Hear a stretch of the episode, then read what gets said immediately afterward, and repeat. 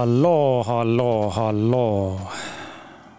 tead, ma olen väga suur muusikafänn, armas hea kuulaja, et äh, sa oled seda introt kuulnud, ma arvan, tänaseks juba, kui ma õigesti numbrit mäletan, siis kakssada viiskümmend kaheksa korda. nii et tere tulemast kuulama järjekordselt äh, episoodi Kris Kala podcast'i repertuaarist tunnusmuusika on sulle tuttav ja kui veel ei ole, siis mul on küsimus, kus sa kurat olnud oled need eelmised kakssada viiskümmend kaheksa episoodi. mina ei hakka kuulama. aga tõepoolest, ma olen suur muusikafänn, ähm, fänn, ma ei tea, kuidas meil täna külalisega on, sellest saab äh, ka kohe rääkida, kui suur muusikafänn ta on, aga minu meelest muusika äh, olgu ta siis podcast'i puhul, videode puhul, olgu ta sul autos, olgu ta sul kodus, muusika mõjutab, äh, loob sellist lisa signatuuri, tausta mm, sisu täidet ja annab seda mahtu ja mõnes mõttes kirjeldab ka sellega, kirjeldab seda, millega tegemist on ja, ja mis seal tegelikult taga on, äh, mida tehakse. nii et äh, ma tõesti loodan, et sa hindad seda, et on vahepeal podcast'is muusika. kui meil on muusikud siin saates, siis mõnikord mängime nende palasid ka. täna kahjuks me siin ei mängi seda, äh, kui just ei tule välja, et Maria oskab laulda ka. aga võib-olla see on tuleviku teema, mine tea tõepoolest, uus episood ja täna ma istun taas kord külalisega, kelleks on Maria Paidar. sul on väga huvitav perekonnanimi tere, Maria. tere. miks äh, selline huvitav perekonnanimi? minu isa on türklane. okei okay. rohkem ei olegi vaja öelda okei ei, väga kihvt. Äh, ma automaatselt eeldaksin, et äh, mitte türklane, vaid pigem sihuke USA kuskile sinnakanti, et ta kõlab väga, mulle kõlab väga usalikult. aga ma ei tea, miks. aga väga lahe, väga lahe, mulle väga meeldib, kui inimesed on multikultuursed ja toovad seda uut ja teistsugust koorekihti siia Eesti, Eesti ellu, Eesti inimeste sekka ka, et äh, minu arust on see väga lahe, teinekord minu arust on kihvt näha seda ka, kuidas äh, erinevad kultuurid äh, suudavad erineva signatuuri või nagu olemusega teha ka kunsti ja loomingulisust. et see on teinekord maailma eri paikades nii erinev. ja seda on olnud nagu huvitav nagu näha, et no üks hea näide minu meelest, mis loomingust puudutab siin. just eile kohtusin ühe härrasmehega, käisin rääkimas siis floating'u teraapia omanikuga ja lähen ise seda kogema ja nad tulevad ka saatesse varsti siin meile kuulama rääkima teile, tähendab, et saate kuulata. aga temaga vestlesime Steve Jobsist, Apple'i loojast ja, ja seal tuli juttu kuidagi sellest, kuidas siis Steve on või noh, oli, vabandust, enda elus siis, kui ta elas, oli võtnud alati inspiratsiooni ja sellist äh, kreatiivsust, loomingulisust teistest valdkondadest, millest tegelikult ise ei tegutse. siis ta tõi ühe näite seal mulle siis Floatingu omanik, kes ta just lugenud seda raamatut, selles raamatus oli see näide olemas, et äh, Steve oli näinud pealt siis äh, vasika sündi äh, kuskil siis talus. ja oli näinud, kuidas vasikas siis kukub sealt üsast välja ja, ja hakkab kohe kõndima ja toimetama. ja siis tal tekkis sealt see mõte, kuidas teha parem arvuti kui Windows ja just see nurga alt, et kui sa avad selle Maci kaane et ta kohe töötab mm. -hmm. et Windowsiga on tihtipeale see, et see ikkagi võtab aega, natukene on seal mingisugused muud protsessid taustal aga lihtsalt hämmastav mõelda, kuidas äh, mõni inimene suudab äh, täiesti suvalistest hetkedest võtta inspiratsiooni ja luua mingit uut loomingut ja luua toode või panna see tootesse enda valdkonnas, et see on hämmastav mm. -hmm, niimoodi psüühika töötabki, võtab ja. ühe pusletüki siit, teise sealt ja paneb täiesti uue produkti kokku. ja mulle tundub, et äh, kui psüühikast räägime, siis mulle tundub, et äh, sa võid siin kommenteerida, kas see vastab ka tõele, et tihtipeale need killud, mida me korjame mm,, ei pruugi kohe mm -hmm. olla kas siis kättesaadavad või siis nii-öelda allalaetavad või, või rakendatavad. ehk siis me ei mõista neid äh, nii-öelda siis sisemiselt või seesmiselt, et intellektuaalselt võid sellest mingisugusest kontseptsioonist aru saada, aga ja. kui sa ei suuda seda ennast samastuda siis tegelikult sellest aru ei saa. siis läheb mingisugune periood mööda ja ja siis äh, sul käib nagu pirn läheb põlema, et. Ja, ja miks inimene ei suuda samastuda, on sellepärast, et äh, tema isiksus pole enda jaoks mingeid pusletükke veel kokku pannud.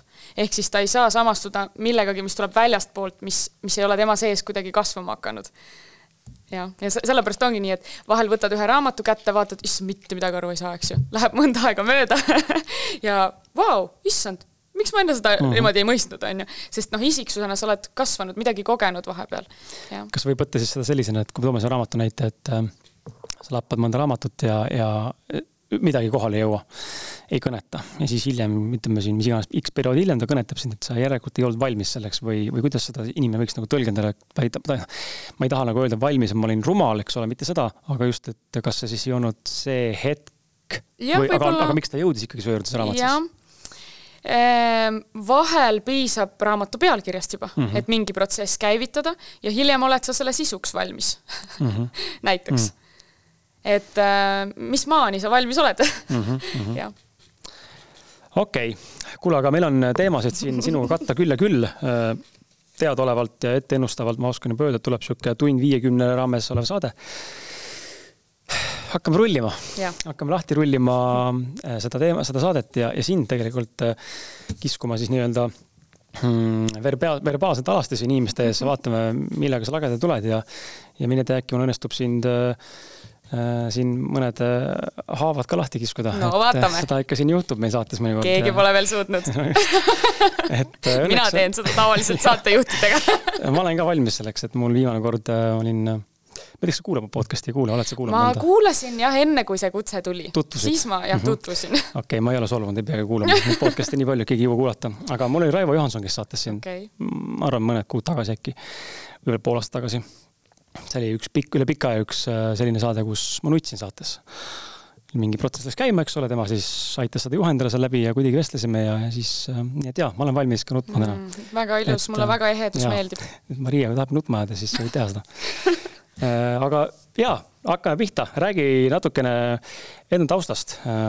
ja kuna me räägime täna väga palju sellistest, ütleme, ma ei ütle esoteerikat, aga vaimsest psühholoogiast, inimese ajust, mõistusest ja üldse sellise perspektiivi poole pealt, kuidas sind üldse see elu sinna teekonnal viis ja kuidas on sinust saanud see, kes tegelikult täna oled, et tee nii pikalt või lühidalt, kui sa soovid? jaa, ma valmistusin selleks küsimuseks kodus ja siis avasid sa selle äh, podcast'i sõnadega, et noh, vaatame, kas Maria laulda ka oskab. Ja see lõi mul kõik täiesti sassi, sest tegelikult ma olen õppinud muusikat. Okay.. ja ma tahtsin saada ooperilauljaks. Nii ja, ja muusika tänasel päeval on ka väga olulisel kohal minu jaoks. ma mängin klaverit, see, see looming, mis ma seal klaveri peal teen ja mida ma oma häälega teen, see on kõik minu jaoks hästi tähtis. ja ma teen ka selliseid äh, siserännakuid muusikasse, aga see on ainult noh, selline minu kirg on ju, nagu niisugune kõrvalasi, mida ma teen enda jaoks ja, ja kui inimesed tulevad ruumi ja saavad sellest väärtust, siis ma teen seda hea meelega mm. -hmm et see ei ole minu selline põhisuund ja mul on isegi üks lugu salvestatud, nii et vot võib-olla ma pärast selle sulle saadan. äkki paneme eetrisse hoopis mul on see niimoodi failiga. ma mõtlengi pärast, äh, kui, kes see, kes meid praegu kuulab, võib-olla võib-olla on sul üllatus, sest ma ju ei tea no.. ma ju pean alles saadet monteerima hakkama. aga inimene, aga inimene juba kuulab, nii et kui siin tuleb laul, siis äh, see laul on äh, ja. Maria oma. jah, just. okei okay,, aga kuidas ma jõudsin selleni, mis ma teen täna? Mm,? ma kasvasin äh, emaga ja vanaemaga. ja ma nägin alati kõrvalt, ma kasvasingi täiskasvanute maailmas, mul ei olnud kunagi enda vanuseid äh, eakaaslasi kõrval. mul oli hästi raske luua eakaaslastega sotsiaalseid äh, sidemeid mm, ja, ja üksindus, hästi suur üksindus kindlasti mind sellele teele viis, sest et mul oli kogu aeg aega vaadelda, jälgida, tunnetada inimesi ja maailma enda ümber. ja, ja mõtestada, küsida küsimusi inimeste ja maailma kohta ja mul oli neid alati väga palju, neid küsimusi. Ja kuna minu ema on ka mm, olnud ikkagi läbi elu äh, sellises suures organisatsioonis koolitaja, inimestega töö tegija, ma arvan, et see kõik kuidagi hakkas mulle külge. ja kui ma mm, panen sinna juurde veel ka selle, et ma nägin pealt igasuguseid kannatusi. No kohe päris palju ema kannatusi, vanaema kannatusi, ühel hetkel alustasin siis ka enda kannatustega, on ju et äh, siis siis minus tekkis lihtsalt nii suur hasart ja kirg uurida neid meetodeid ja praktikaid, kuidas lõpetada ära inimeste kannatused. ja, ja ma arvan, et see potentsiaal ja, ja soov inimestega tööd teha, see on alati minu sees olnud, lihtsalt ma avastasin selle väga varakult. Ja niimoodi ma ennast ise harima hakkasingi ja, ja hästi palju praktikaid, millega ma täna töötan, olen ma ise välja töötanud koos oma klientidega, aga ka enda kogemuse põhjal ja jäneseharimise tulemusena. et, et äh, see minu suund ongi olnud just see, et kuidas nagu neid praktilisi samme teha, et päriselt see tulemus või, või läbimurre ka tuleks. et mitte lihtsalt vestelda või, või kuidagi niimoodi oled seal, istud viis aastat oma selle probleemi otsas ja, ja kuhugi nagu välja ei jõua, vaid noh, tegelikult tahaks ju igaüks meist kohe kiiresti seda lahendust saada, aga sellist lahendust, mis ka kestab. et see on olnud minu nagu kirg ja huvi jah, no niimoodi ma jõudsingi. Ma ei tea, kas sa said vastuse. Sain, võtan siit äh, sinu ühest mõttest kinni, et jõuda, jõuda lahendusteni on kõikide inimeste soov ja, ja mitte istuda nende probleemide otsas viis või enamat aastat, eks ole. Mm,. ma ise istun teatud probleemide otsas juba, ma arvan, kümme aastat. Ja, ja seda ei ole nagu raske tunnistada, sest et meil kõigil on neid asju. Ja, ja mõne jaoks minu probleem võib onda, olla ja tunduda selline, et äh, issand jumal, miks see nagu probleem on sinu jaoks ja teistpidi jälle mina vaatan teie mõnda teist inimest ja vaatan, et aga miks sa sellega vaevled, see on ju nii lihtne mm -hmm. teema. et see on nagu huvitav, kuidas meil tegelikult on kõigil mingisugused taagad kaasas, olgu nad siis traumadest, mittetraumadest või mis iganes põhjustest tulnud, aga küsikski sinu käest seda siis, et huvitav, kuidas siis, kuidas siis nagu võimalikult kiiresti Äh, jõuda nende probleemide lahendamisteni. ma saan aru, et see on väga mhm. umbmäärane ja lai küsimus, sest me ei räägi konkreetselt antud äh, kindlast probleemist siin mm. -hmm. sa võid tuua näiteid, kui sa soovid seda küsimust äh, täiustada, et saaks anda vastuse sellele, aga kuidas seda probleemi lahendamist või tuumprobleemide lahendamist protsessi kiirendada ja ma saan tegelikult aru, mulle tundub jälle natuke mõnes mõttes ka, sa võid mind parandada, kui see nii ei ole sinu arvates, aga mulle tundub, et mõned probleemid lahenevad nagu ajaga mm. -hmm. et noh, me ei saa nagu forsseerida enda arengut äh, või, või ma ei saa forsseerida ennast äh, valmis olema, kui ma tegelikult ei ole valmis mm. -hmm.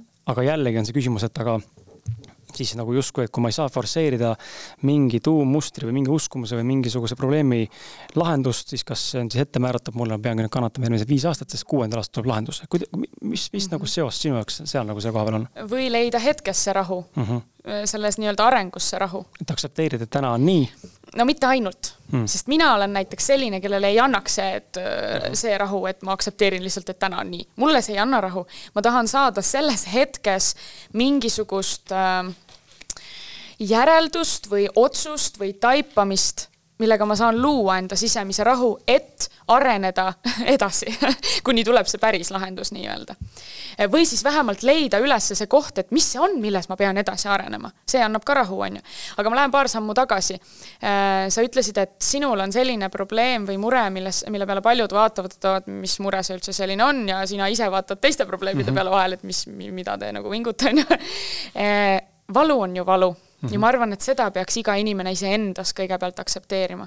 et minu valu on just selline, nagu ta on ja see on ka tähtis. see on minu jaoks tähtis. ja ma ei pea rääkima seda lugu endale, et oh, teistel on seal raskem või ta-ta-ta-ta-ta, on ju. lihtsalt aktsepteerida enda valu ja teiste valu sellisena, nagu see on, ei pea võrdlema. Äh, nüüd järgmine samm, mis sa rääkisid, et ähm, et mille pärast see on nii, et osadel inimestel on just sellised probleemid haakuvad külge ja traumad ja teistel nagu see jätab täiesti külmaks ja teistel on teised kohad. see annab nüüd vastuse ka, et kuidas, kuidas siis lahendada seda probleemi mm,. tuleks jõuda arusaamale enda sees, et äh, see valu, mis minul on, on esiteks unikaalne ja põhjusega.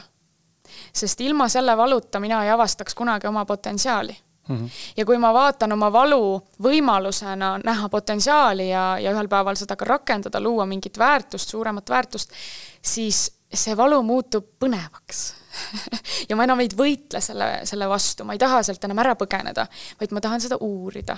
ma tahan sellest aru saada, miks see tuli minu ellu. ja sealt tuleb juba see kergus ja lahtilaskmine ja siis ma saan hakata reaalselt mingeid samme üldse tegema. aga seni, kuni on võitlus, seni ei saa midagi teha. ehk siis see on ühtepidi nagu oskus äh vaata nagu öeldakse, et, et me ei tea mitte kunagi mm, millal või miks äh, nii-öelda negatiivse sildiga või halva sildiga kogemus võib osutuda mm -hmm. ajapikku millegi lävepakuks või sillaks millegi hea suunas, et kas see on siis oskus nagu näha ette või panna ennast siis ise uskuma või nii-öelda eelprogrammeerida, et see valu, mis mul täna on mm, -hmm. ma püüaks nüüd mitte põgeneda, vaid aktsepteerida ja aru saada, et tegelikult see on minu kasvukoht. kasvukoht on üks asi, aga teine asi on see, et, et äh, harjutada enda sisse selline harjumus, et sa äh, uurid põnevusega kõiki väljakutseid ja, ja kõiki emotsionaalseid sisemisi hingelisi valusid. et ähm, äh, sest seal ei ole mitte ainult kasvukoht, vaid seal on midagi enamat mm. -hmm. seal on, sa avastad sealt iseennast, kui sa äh, sellest valust läbi lähed.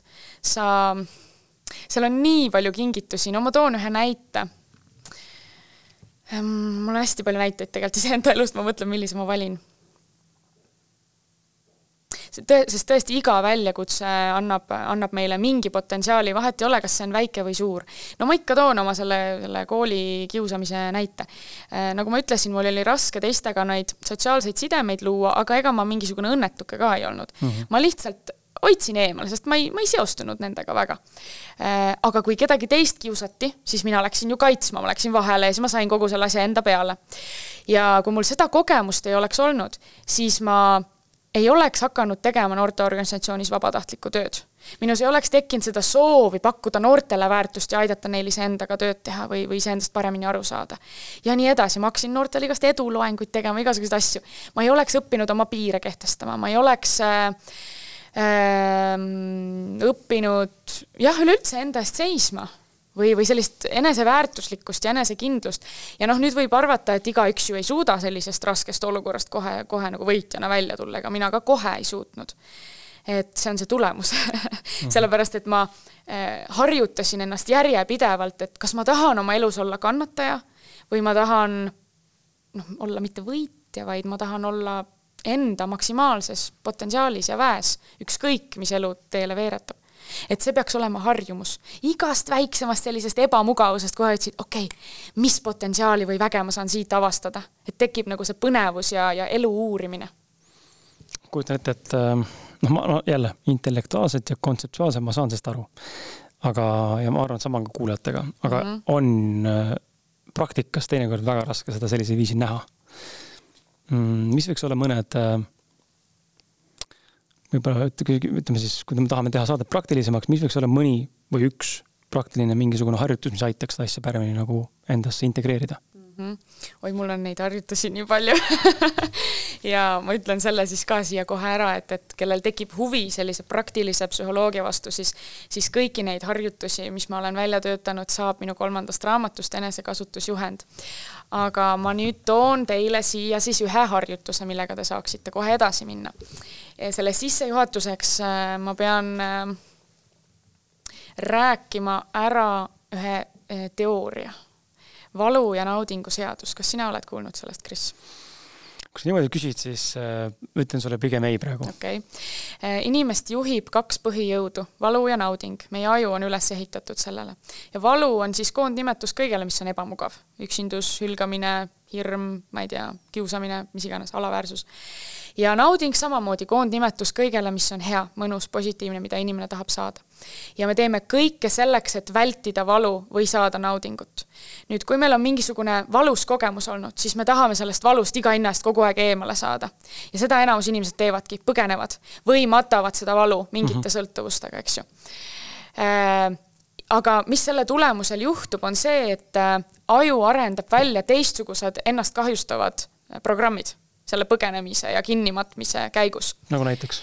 no ülesöömine mm, -hmm. suit-, suitsetamine, narkootikumid, suhted, seks nii-öelda hävitaval viisil ja nii edasi, no täitsa inimlikud teemad ja igalühel on seda, selliseid mustreid, mille eest nad äh, põgenevad. ja või millega nad kinni katavad siis seda valu, mida nad on kunagi kogenud. nii kui nüüd äh, ära teadvustada, et mis see valu on, mida ma nii väga väldin, millest, millele ma ei taha otsa vaadata, mis on minu jaoks nii ebamugav, ja, ja millega ma seda valu igapäevaselt kogu aeg kinni katan ja ennast hävitan nüüd tuli hästi palju küsimusi, on ju, mhm. aga see on see, millele inimene peab otsa vaatama, ma loodan, et kuulajad võtavad paberipastaka kätte ja teevad endale märkmeid, sest et siis te saate siit hästi palju väärtust. nagu teraapiaseanss on see praegu. nii, et leiame selle ülesse, mida ma väldin ja millega ma siis kinni katan seda valu. ja nüüd on selline trikk, et saab oma ajus võimendada valu eh, nii suureks, et sinu aju tahab ise sellest lahti lasta. mina tegin seda kunagi juba kaheteistaastaselt peegli ees mm. sellepärast, et ma ei olnud nõus sellega, et ma raiskan oma elu lihtsalt valu allasurumise peale või äh, või ebamugavuste vältimisele ja mitte kunagi ei saavuta sellist maksimaalset elamise kirge või potentsiaali. see tundus minu jaoks valus ja hirmus, kui ma ei jõua oma maksimaalse mm -hmm. potentsiaalini. Ähm, ja, ja siis ma disainisin sellise peegliharjutuse, eneseteraapia praktika, äh, kus inimesed saavad oma valule otsa vaadata ja lennutada ennast siis kõrgustesse vaimselt või emotsionaalselt ma lühidalt räägin, kuidas see käib uh, -huh. aga inimene peaks tegema seda ise oma sisetunde järgi hästi loominguliselt, et ma ei saa väga ette kirjutada, kuigi oma selles raamatus ma olen mõned juhised sinna pannud ja küsimused, näited, mida sa saad endalt küsida või mida sa võid seal peegli ees teha. et raamatus on pikemalt see? see on pikemalt okay. kirjas aga tegelikult see on väga lihtne.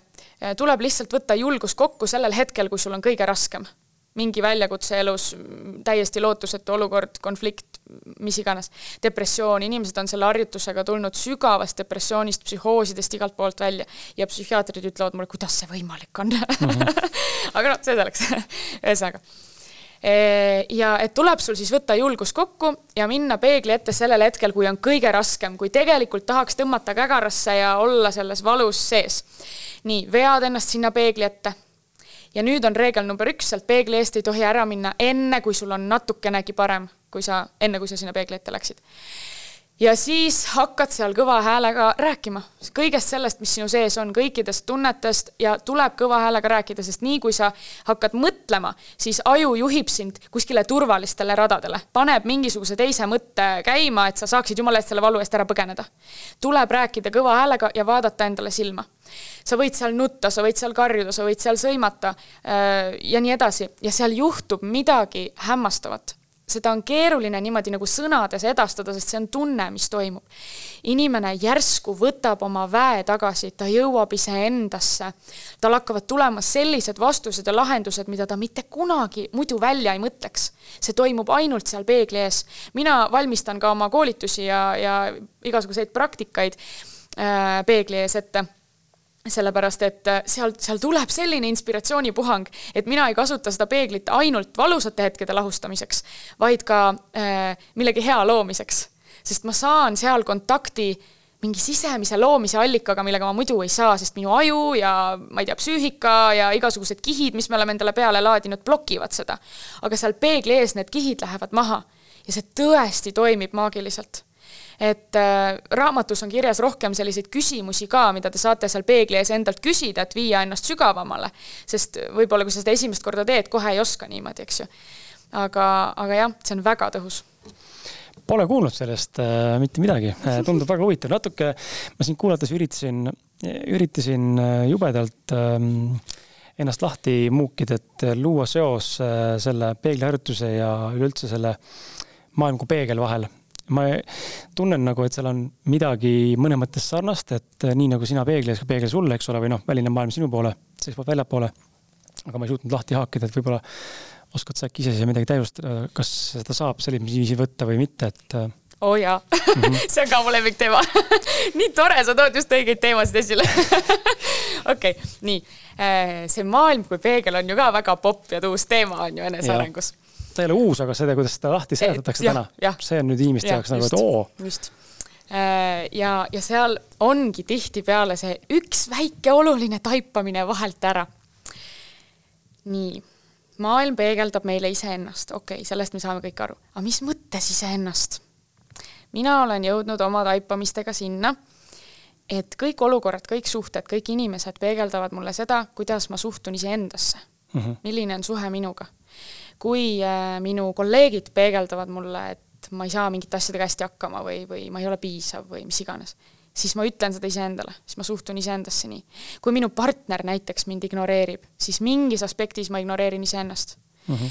kui toon mingi näite veel hmm,, kui mind ärritab teiste inimeste puhul, et nad ei võta vastutust, siis järelikult on mingi osa minu sees, milles ma eitan iseenda vajadusi ja ei taha võtta vastutust et, et äh, maailm peegeldab seda, kuidas ma suhtun iseendasse. mulle meeldib see lause, et igal pool ma seisan silmitsi ainult iseendaga uh. Mhm. -huh. ja kui ma hakkan niimoodi maailma vaatama ja läbi selle, läbi enda hakkan maailma looma, siis kohe muutub peegeldus väga kiiresti, ei pea isegi mitu nädalat ootama mul tuli, äh, eile olin aias äh, elukaaslasega, oli äkki eile vist jah, ja siis äh, laps on mul sihuke, saab viis sügisel, tütar ja, ja tema siis äh, vahepeal äh, väga võimsalt äh, tahab mitte üksi olla. Äh, no lapsed on erinevad, aga loomulikult enamus lapsed tahavadki koos mängida ja eriti kui on üksik laps ka peres, et siis üksi mängimist on pigem vähe ja ikka MS-iga koos või vahepeal koos, aga vanematena tahad ikkagi ka saada oma hetke, et sa ei peaks lapsega kakskümmend neli seitse kogu aeg koos mängima mingeid parvimänge või mingeid autode mänge, sest et noh, it's not that fun sinu jaoks. aga ma eile tekkis seos selle peegeldusega, et nägin, et laps muutus jälle selliseks nagu niidines tekkis seal, tahtis jubedat tähelepanu saada, jubedalt sinuga jagada, et sa vaataksid igat sekundit. ja üldse ei taha üksi olla ei aias ega kodutoas ega batuudil ja siis mul tekkis sihuke seos, et aga oot-oot-oot, laps ei taha üksi olla, ka Kris ma ise ka ju tegelikult ei taha üksinda olla, tahan mm -hmm. väga tihti koos olla elukaaslasega. Äh, ja just nagu elukaaslasega, mitte nagu sõpradega, vaid just, et mm -hmm. siis ma hakkasin mõtlema, et hmm, kas see, et laps minuga niimoodi käitub, on nagu otsene peegeldus sellele, et ma tegelikult ise näitan ka välja peegli ees ja ma tegelikult ei taha üksi olla. just, just.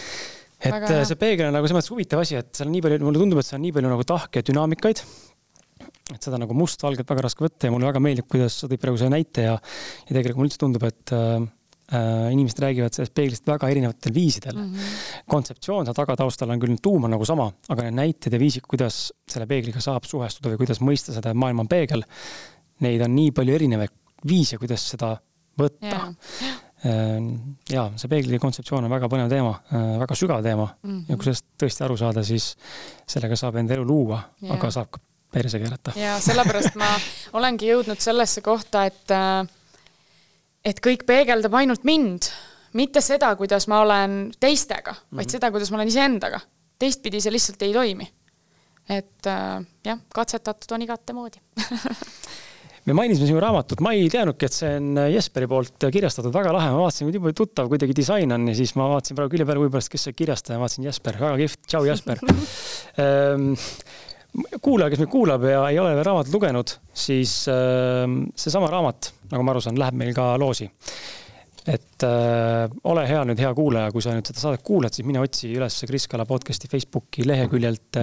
ja tõenäoliselt on ka selle kohta Instagramis informatsioon, aga Facebookis käib see loosimine, või tegelikult äkki peaks Instagramis tegema, ühesõnaga mine vaata mõlemasse kohta, ma otsustan, ma pole otsustanud veel.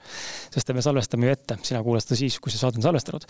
igal juhul kummas platvormis on äh, väike loos ja auhinnaks on seesama raamat siis äh, sulle ühele õnnelikule loodud äh, koos äh, rasvase paksu pühendusega ka.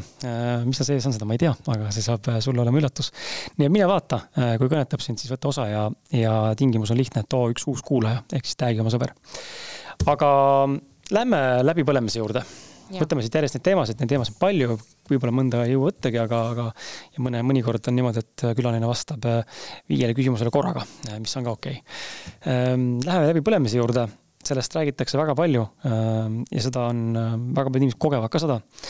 ja, ja on kindlasti inimesi, kes seda kogevad, aga ei teadvusta mm. -hmm ja ma arvan, et see on kõige hullem variant, et, et sa, sa koged tegelikult seda, sa oled selles läbipõlemise kõige haripunktis ja tegelikult sa ei saa aru, et sa läbi põlenud. kust maalt nüüd inimene peaks aru saama, et mul on päris läbipõlemine kätte jõudnud, sinu arvamuse, arusaamise järgi mm,. kuidas läbipõlemist defineerid, mis tekitab seda ja mis võiks olla remedy ehk siis äh, praktiline lahendus, kuidas, ma ei tahaks öelda vältida, aga kuidas äh, ära hoida või, või elada nii, et see ei teki seda mm. -hmm. või kui ta juba käes on, siis mida päriselt teha, kas tõesti tuleb koputada teraapia uksele ainult või, või psühholoogi uksele, eks ole, või minna psühhiaatri haiglasse.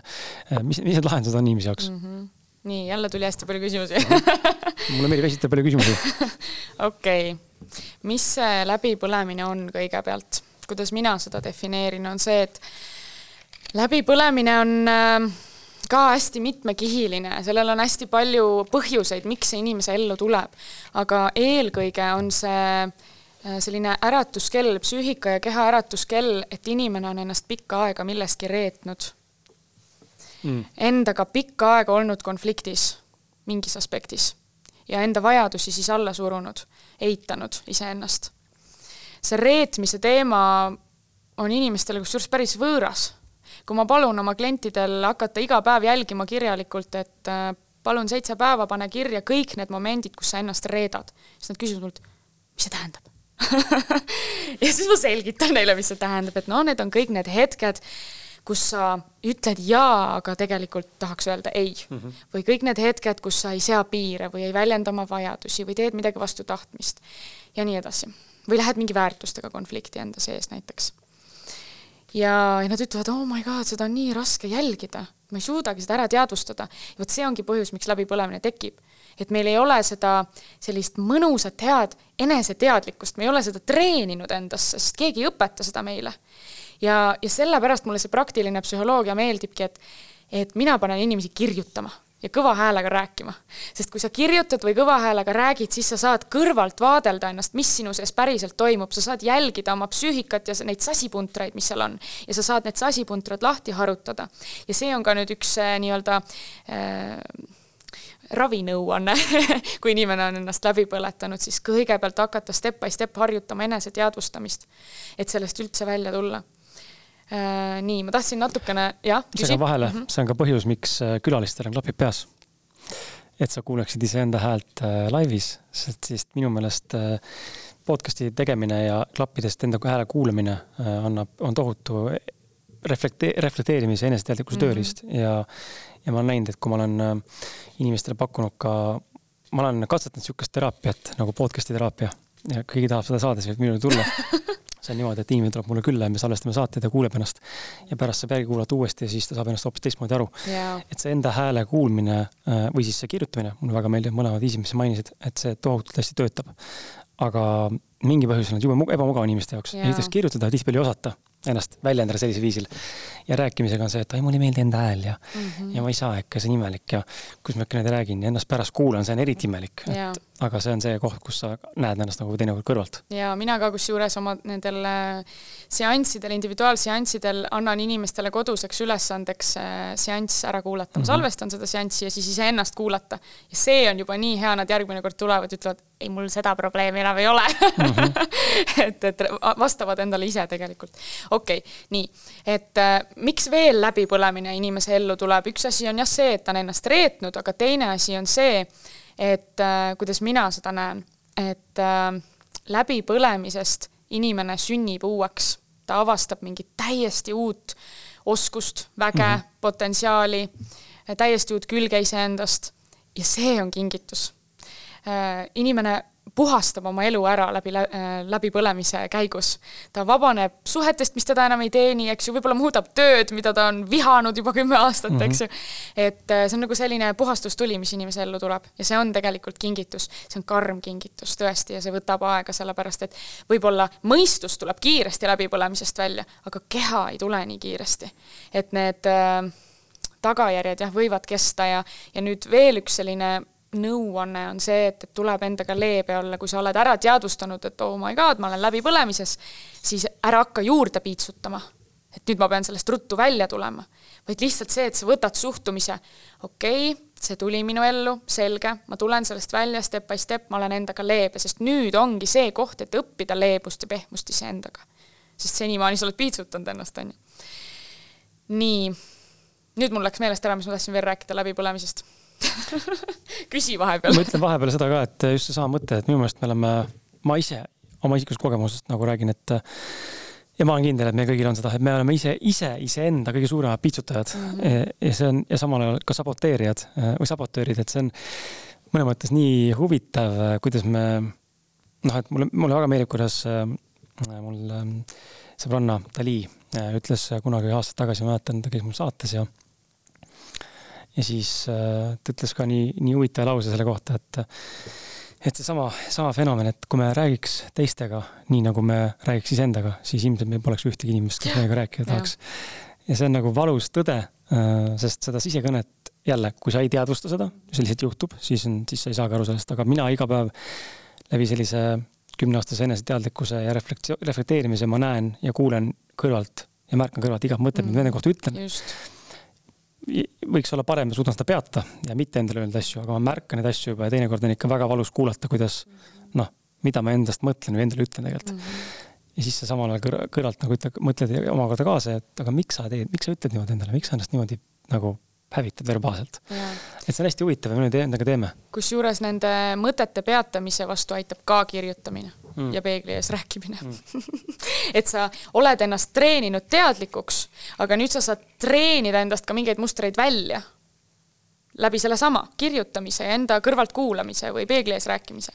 ja ma tõesti tahan kuulajatele seda nagu soovitada, et päriselt ka, võtke endale üks vihikuke või seesama enesekasutusjuhend, sinna te saate ka kohe kirjutada. ja pidage seitse päeva järjest nädalas enda jaoks, noh, võtke üks selline seitsmepäevane periood ja pidage päevikut. vihik on kogu aeg kõrval, pane kõik kirja, mis sinu sees on. mina teen seda uuesti noh, iga aasta kindlasti sest ma ju kasvan kogu aeg uueks inimeseks. ma pean uuesti teadvustama, kuhu ma olen jõudnud, mis mustrid minu sisse on tulnud, on ju, mida ma endaga siin vahepeal teinud olen et, et seda teadlikkust kogu aeg hoida ja arendada ka, siis ei teki läbipõlemist. et äh, siis, kui sa märkad, et sa oled läbipõlemisse jõudnud, siis on juba natuke hilja vist mm. -hmm. et ükskõik, millisel levelil sa parasjagu siis oled. aga noh, märkad sa ikka siis, kui valu on juba nii suur, eks ju. et muidu ei märka, muidu, muidu ikka oled, harjud valuga, eestlane on selline ja kannat-, kas kannatab, see kaua elab. ma ei tea, kes neid vanasõnu välja mõtleb äh, väga sadistlikud on väga, väga paljud need. aga, aga ju siis seal on mingi tõetera sees. mulle meeldib, et sa tõid ka selle välja, et ähm, ja nii nagu ma ütlesin ka enne küsimust, et tihtipeale vastad äh, mitmele küsimusele korraga, sa tegid sama asja just. et äh, just see pool, et näha seda läbipõlemist äh, kui positiivse nurga alt kasvupotentsiaalina ja kohana just nagu võiks midagi paremat sündida, et mm -hmm. ma arvan, et see on niisugune noh, nagu siia ütleb ka praktika, mis tuleb ajaga ja ja mida varem sa seda pihta hakkad, seda lihtsamaks läheb tõenäoliselt. jaa, aga see, selles kohas, kui sa teadvustad ära, et okei okay,, ma olen tõesti läbipõlemises, see on väga hull tunne, inimestel võivad tekkida sellest ärevused, eks ju, mida nad ei suuda kontrollida, igasuguseid erinevaid psüühikareaktsioone võib sealt tulla. et kui sa oled selle juba ära tunnistanud ja teadvustanud, siis tekib ikkagi hirm, et kuidas ma sellest nüüd välja saan, okei okay,, hakkan kirjutama, tekitan eneseteadlikkust juurde. no võib-olla ei oska alguses, emotsioone on hästi palju, aga suudan ikkagi kuidagi ära kirjutada. aga mis edasi, et kui nüüd peaks hakkama mõtlema, et mis see kingitus või mis see potentsiaal sealt läbipõlemisest siis on vot siis tuleb hakata esitama endale neid karme küsimusi, et mida ma tahan, kes ma tegelikult olla tahan, eks ju. mida ma peaks muutma, mida, mida mina päriselt tahan muuta oma elus. ja vot nendele küsimustele inimesed ei julge vastata, sest siis nad seisavad silmitsi kohe järgmise hirmuga mm.. Nad jäävad armastusest ilma, lähedusest ilma, kõik kukub kokku nende elus. ja nüüd ma tahan öelda seda, et see ei pea nii karmilt ju minema. mitte miski ei pea sinu elus muutuma, võib-olla ainult sinu sisemaailm sa ei pea oma suhteid lõpetama, sa ei pea töölt ära tulema, võta rahulikult, on ju. ja, ja lihtsalt ole kõigepealt endaga aus.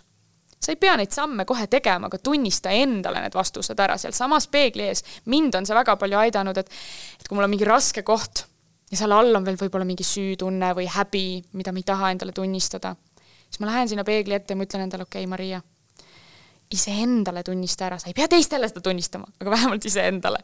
ja siis ma suudan, siis mul läheb kuidagi vabamaks, energia läheb voolama, ma suudan ka mingeid otsuseid teha, et ma nagu võtan ennast vastu selle, selle tunnistamisega ja paljud sellised grupipraktikad ka, mida ma teen, on just selle jaoks, et seista nagu nende valusate kohtadega silmitsi ja turvaliselt sellest läbi minna mm, -hmm. see on nii efektiivne ja hästi tõhus. ma väga, see on natuke ka minu missioon, et et õpetada inimesi ja julgustada inimesi äh, varjudele otsa vaatama ja oma, oma nendele tumedamatele tunnetele otsa vaatama, sest see on tegelikult väga ilus ja väga võimas, sa saad oma oma väe ja enesekindluse täiega tagasi, kui sa ei karda enam iseennast rääkides varjudest. jess. mul on seal laua peal äh, üks, oota kui ja voolab meie saade läheb, onju. et ähm, sinu väike töövihik äh,, töövihikraamat slaš äh, praktiline juhend äh,, päevik. see on jah, selline praktikavihik. nimega Vari varsti tuleb raamat ka, varsti tuleb ja, ja. samanimeline? Eh, mitte sama pealkirjaga, aga varju teemal, jah. okei okay. mm -hmm., räägime korra sellest, et äh, keegi tahab, saab minna sinu kodukale seda vaatama ja endale selle sealt soetada. mariapaider.com on koduleheküljeks, need lingid leiad ilusti ka saate kirjeldustest, aga räägi natukene, mis, millega siin täpsemalt tegemist on ähm, selle, ütleme, esimese sihukese tiraaži pealt, mis mis see vari siin on ja mis see vari üldse on, kuidas sina seda defineerid, me oleme, me oleme vist korra siin saates äkki kahel-kolmel korral külalistega seda teemat lahanud. ma jään vastuse võlgu, kellega ma seda tegin, võib-olla oli äh, Igor Skalkin, Earthchild Igor, võib-olla võis olla tema kunagi ammu, üks neist, aga võib-olla keegi veel, et äh, natuke räägi sellest mm. -hmm nii, mina defineerin varju nii, et see on osa meie psüühikast kus äh, on peidus kõik ebameeldivad tunded, isiksuse omadused, läbielamised, traumad, hirmud, ihad, fetišid, igasugused lapsepõlvevalud, kurbused, kõik see, mida me ei taha endale tunnistada, mida me eitame, alla surume, mille eest me tahame põgeneda. ja mida me ei näita välja siis mida ka. me ei näita välja mm -hmm. ka ja mida me ei ole isegi enam teadlikud, et meis on Need on sellised, äh, sellised see omadused. see on kõige hullem, kui sa isegi teadlik enam ei ole. jah, sest oled nii hästi ennast ka ära petnud, just. nii jah, selline osa see meist on. ja mis sa nüüd küsida tahad kus, kus, kus need tekivad, need osad siis ütleme okay.? miks, miks nad tekivad, kus nad tekivad ja mida, mida inimene hakkab siis selle infoga peale, et okei okay,, mul on nüüd varjuküljed mm. -hmm. mõni ütleb, eks ole, teemonid. Äh, ma olen kuulnud niisugust terminit ka mõne kohta. mida, mis ma selle infoga peale hakkan siis? jaa, vari ju tõesti kuskilt saab alguse, kui väike laps sünnib, ta on ju täiesti puhas leht, et, et kuskilt hakkab, hakkab arenema tema teadvustamata osa, kus on kõik see tumedus ja teadlik osa, mida ta siis noh, tegelikult lapsed ju ei suru seda tumedust alla, lapsed väljendavad väga ehedalt oma, oma kurbust ja viha ja, ja trotsi või jonni, eks ju. aga siis väline maailm õpetab meid varju alla suruma ja õpetab, et see on vale, sa oled vale, kui sa nii teed ja nii edasi. ja vari saabki alguse, varju kujunemine saab alguse sellest hetkest, kus laps puutub kokku selle tundega, et ta on vale, et ta ei ole enam piisav ja, ja ta tunneb hirmu, kurbust, et teda ei armastata sellisena, kes ta on. ja sealt tulebki see esimene varjuseeme nii-öelda alateadvusesse või, või psüühika teadvustamata osasse. Äh, ja, ja siis erinevad kogemused hakkavad seda varju kinnitama ja kujundama, see, mida ta näeb äh, end ümbritsevate inimeste pealt, see lapsuke on ju, äh, vanemad, kuidas suhtuvad sellesse samasse teemasse, mis temaga juhtus. ja niimoodi hakkabki vari kujunema ja, ja samal ajal õpetatakse teda seda alla suruma äh,, vältima ja, ja inimene, see, see laps, kasvav laps hakkab siis iseennast ka selle omaduse pärast valeks tegema. Siis tuleb seal ühel hetkel eneseusu puudumine, enesekindluse puudumine, eneseteadlikkus kaob ära, sellepärast et otsitakse väljastpoolt kinnitust, kas ma olen õige. et niimoodi see läheb kuidas selle, kuidas nende varjuteemadega tegeleda, kuidas neid lahustada, lahti huuk, muukida, ümber programmeerida, kuidas see välja näeb siis? kas see läheb nüüd sellesse kategooriasse, kus tuleb käiku siis praktiline psühholoogia või, või kuidas seda nagu omavahel siduda? jaa, ma pean äh, mõne näite veel tooma, et äh, kuidas, kuidas varjud inimeste elus avalduvad mm, ja kuidas siis nagu aru saada, et kust selline vari minu sisse on tulnud. mul oli üks kursuslane väga tore naine, selline õrn, armastav, hästi soe, tore, tore inimene, lasteaiakasvataja. ja tema oli minu varjukoolitusel ja ta täiesti nagu värisedes, ma nägin, et ta oli midagi avastanud iseendas ja täiesti niimoodi värisedes küsis mult, et täiesti lõpp.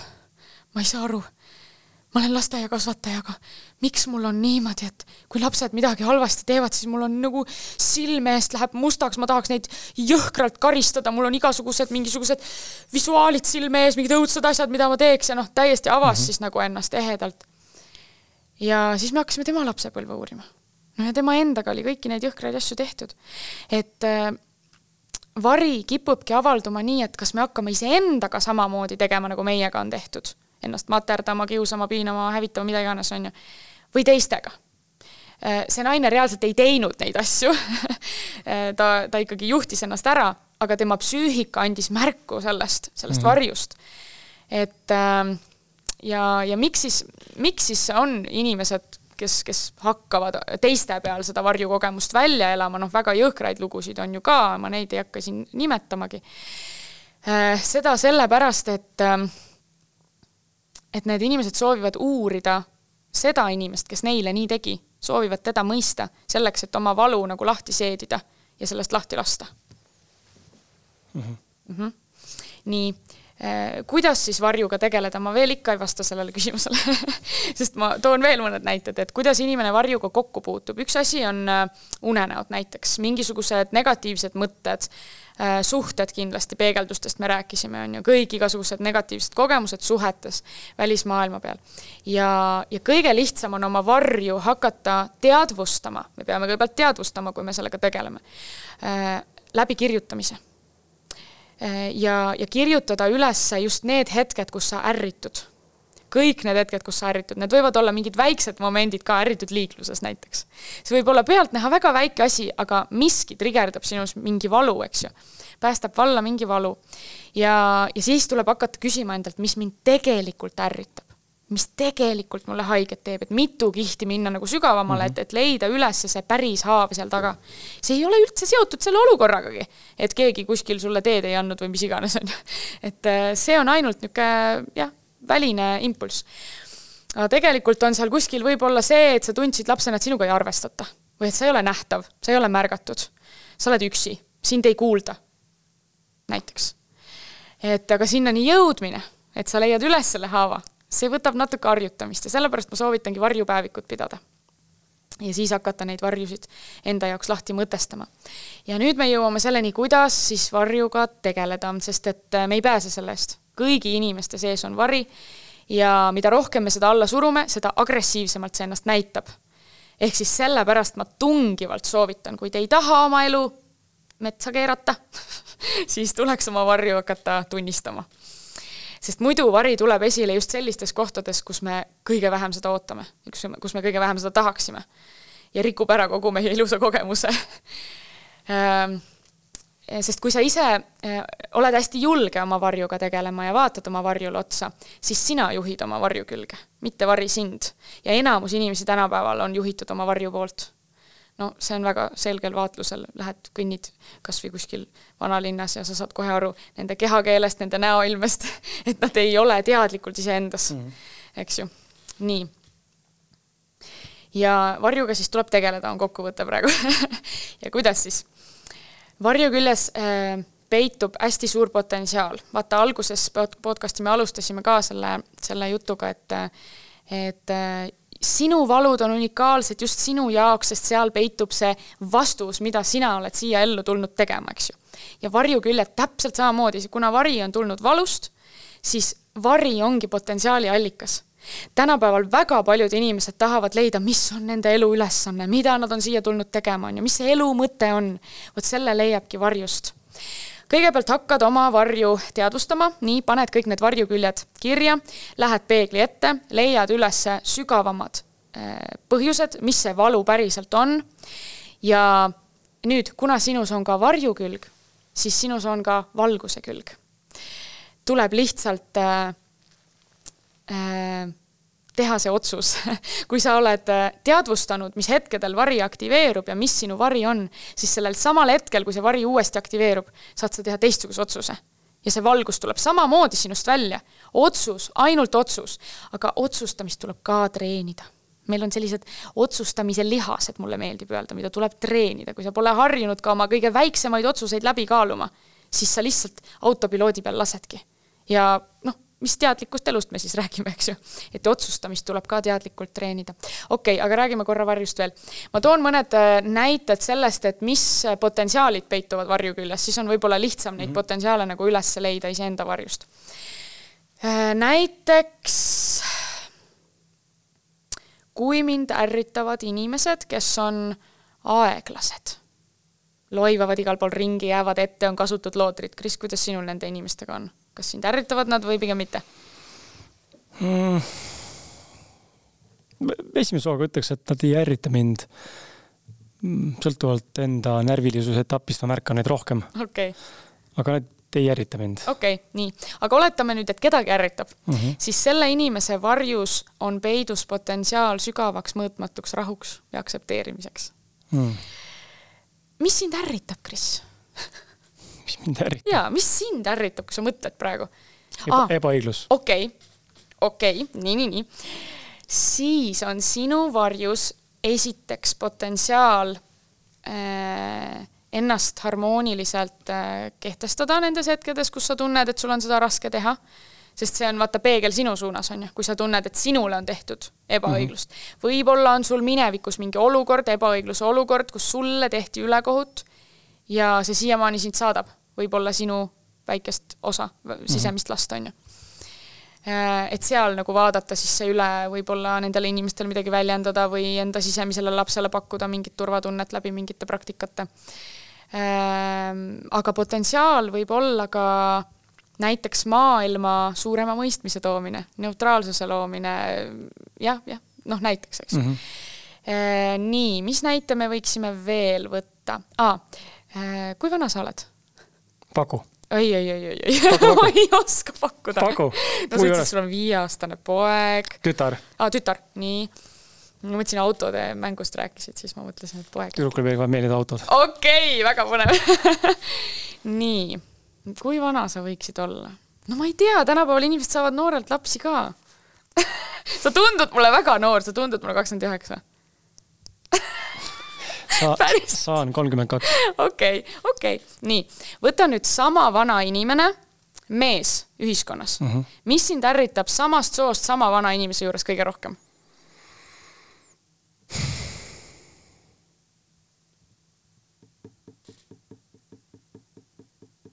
suurema pildi nägemine. kuidas nii? aa, et nad ei näe suurt pilti või? hästi nagu klapib peas, väga tihti. okei okay., kitsas maailmavaade. mis sind selle juures ärritab? rumalus või? või me teeme, okei, või paneme, paneme jäiga sildi rumalus, kuigi ma seda võib-olla ise ei kasuta praegu, aga ütleme rumalus. okei okay., aga mida sa ise kasutaksid? millist silti ma ei teagi, jääme rumaluse juurde. okei okay., miks sind ärritab see, et nad on rumalad? või et nad ei näe suurt pilti, et nad on nagu kitsa vaatega silmaklapid peas? sest kui nad seda näeksid, siis oleks inimestel teineteisest parem mõistmine ja arusaamine mm. -hmm. ja võib-olla oleks ka neil äh, elu osas äh, laiem väljavaade. Nüüd võib seda potentsiaali vaadata väga mitut moodi. esimene versioon, sina ise tunneta, kas see on sinu jaoks tõde või mitte. esimene versioon on see, et millises valdkonnas oma elus sa ei taha seda suurt pilti näha. kas seal võib midagi olla? ma ei teagi niimoodi. esimesena kargas pähe sõna raha mm. -hmm. Ma üritan siis mõelda, kas see võib niimoodi olla, ma ei, ma ei tea, võib-olla on mm. Mhm. no mõtiskle selle peale -hmm. ma pärast. olen, olen küll päris noob, okei, okei. et võib-olla tõesti. nii, et võib-olla on mingi valdkond, kus sa ei taha ise seda suurt pilti näha, hoiad ennast selles nagu kitsas vaates kinni. teine versioon, kuidas võib seda potentsiaali leida, on näiteks see, et võib-olla sa oled kunagi lapsena, noorena tundnud ennast ise rumalana või sind on rumalaks tehtud kindlasti mm. Mhm. -hmm. olukordi praegu pähe ei karga, kindlasti on olukordi olnud mm. mm. -hmm. ja siis sulle on seal kuskil öeldud, et selleks, et sa oleksid piisav, pead sa olema selline, selline, selline ja mm -hmm. pead elama niimoodi, onju.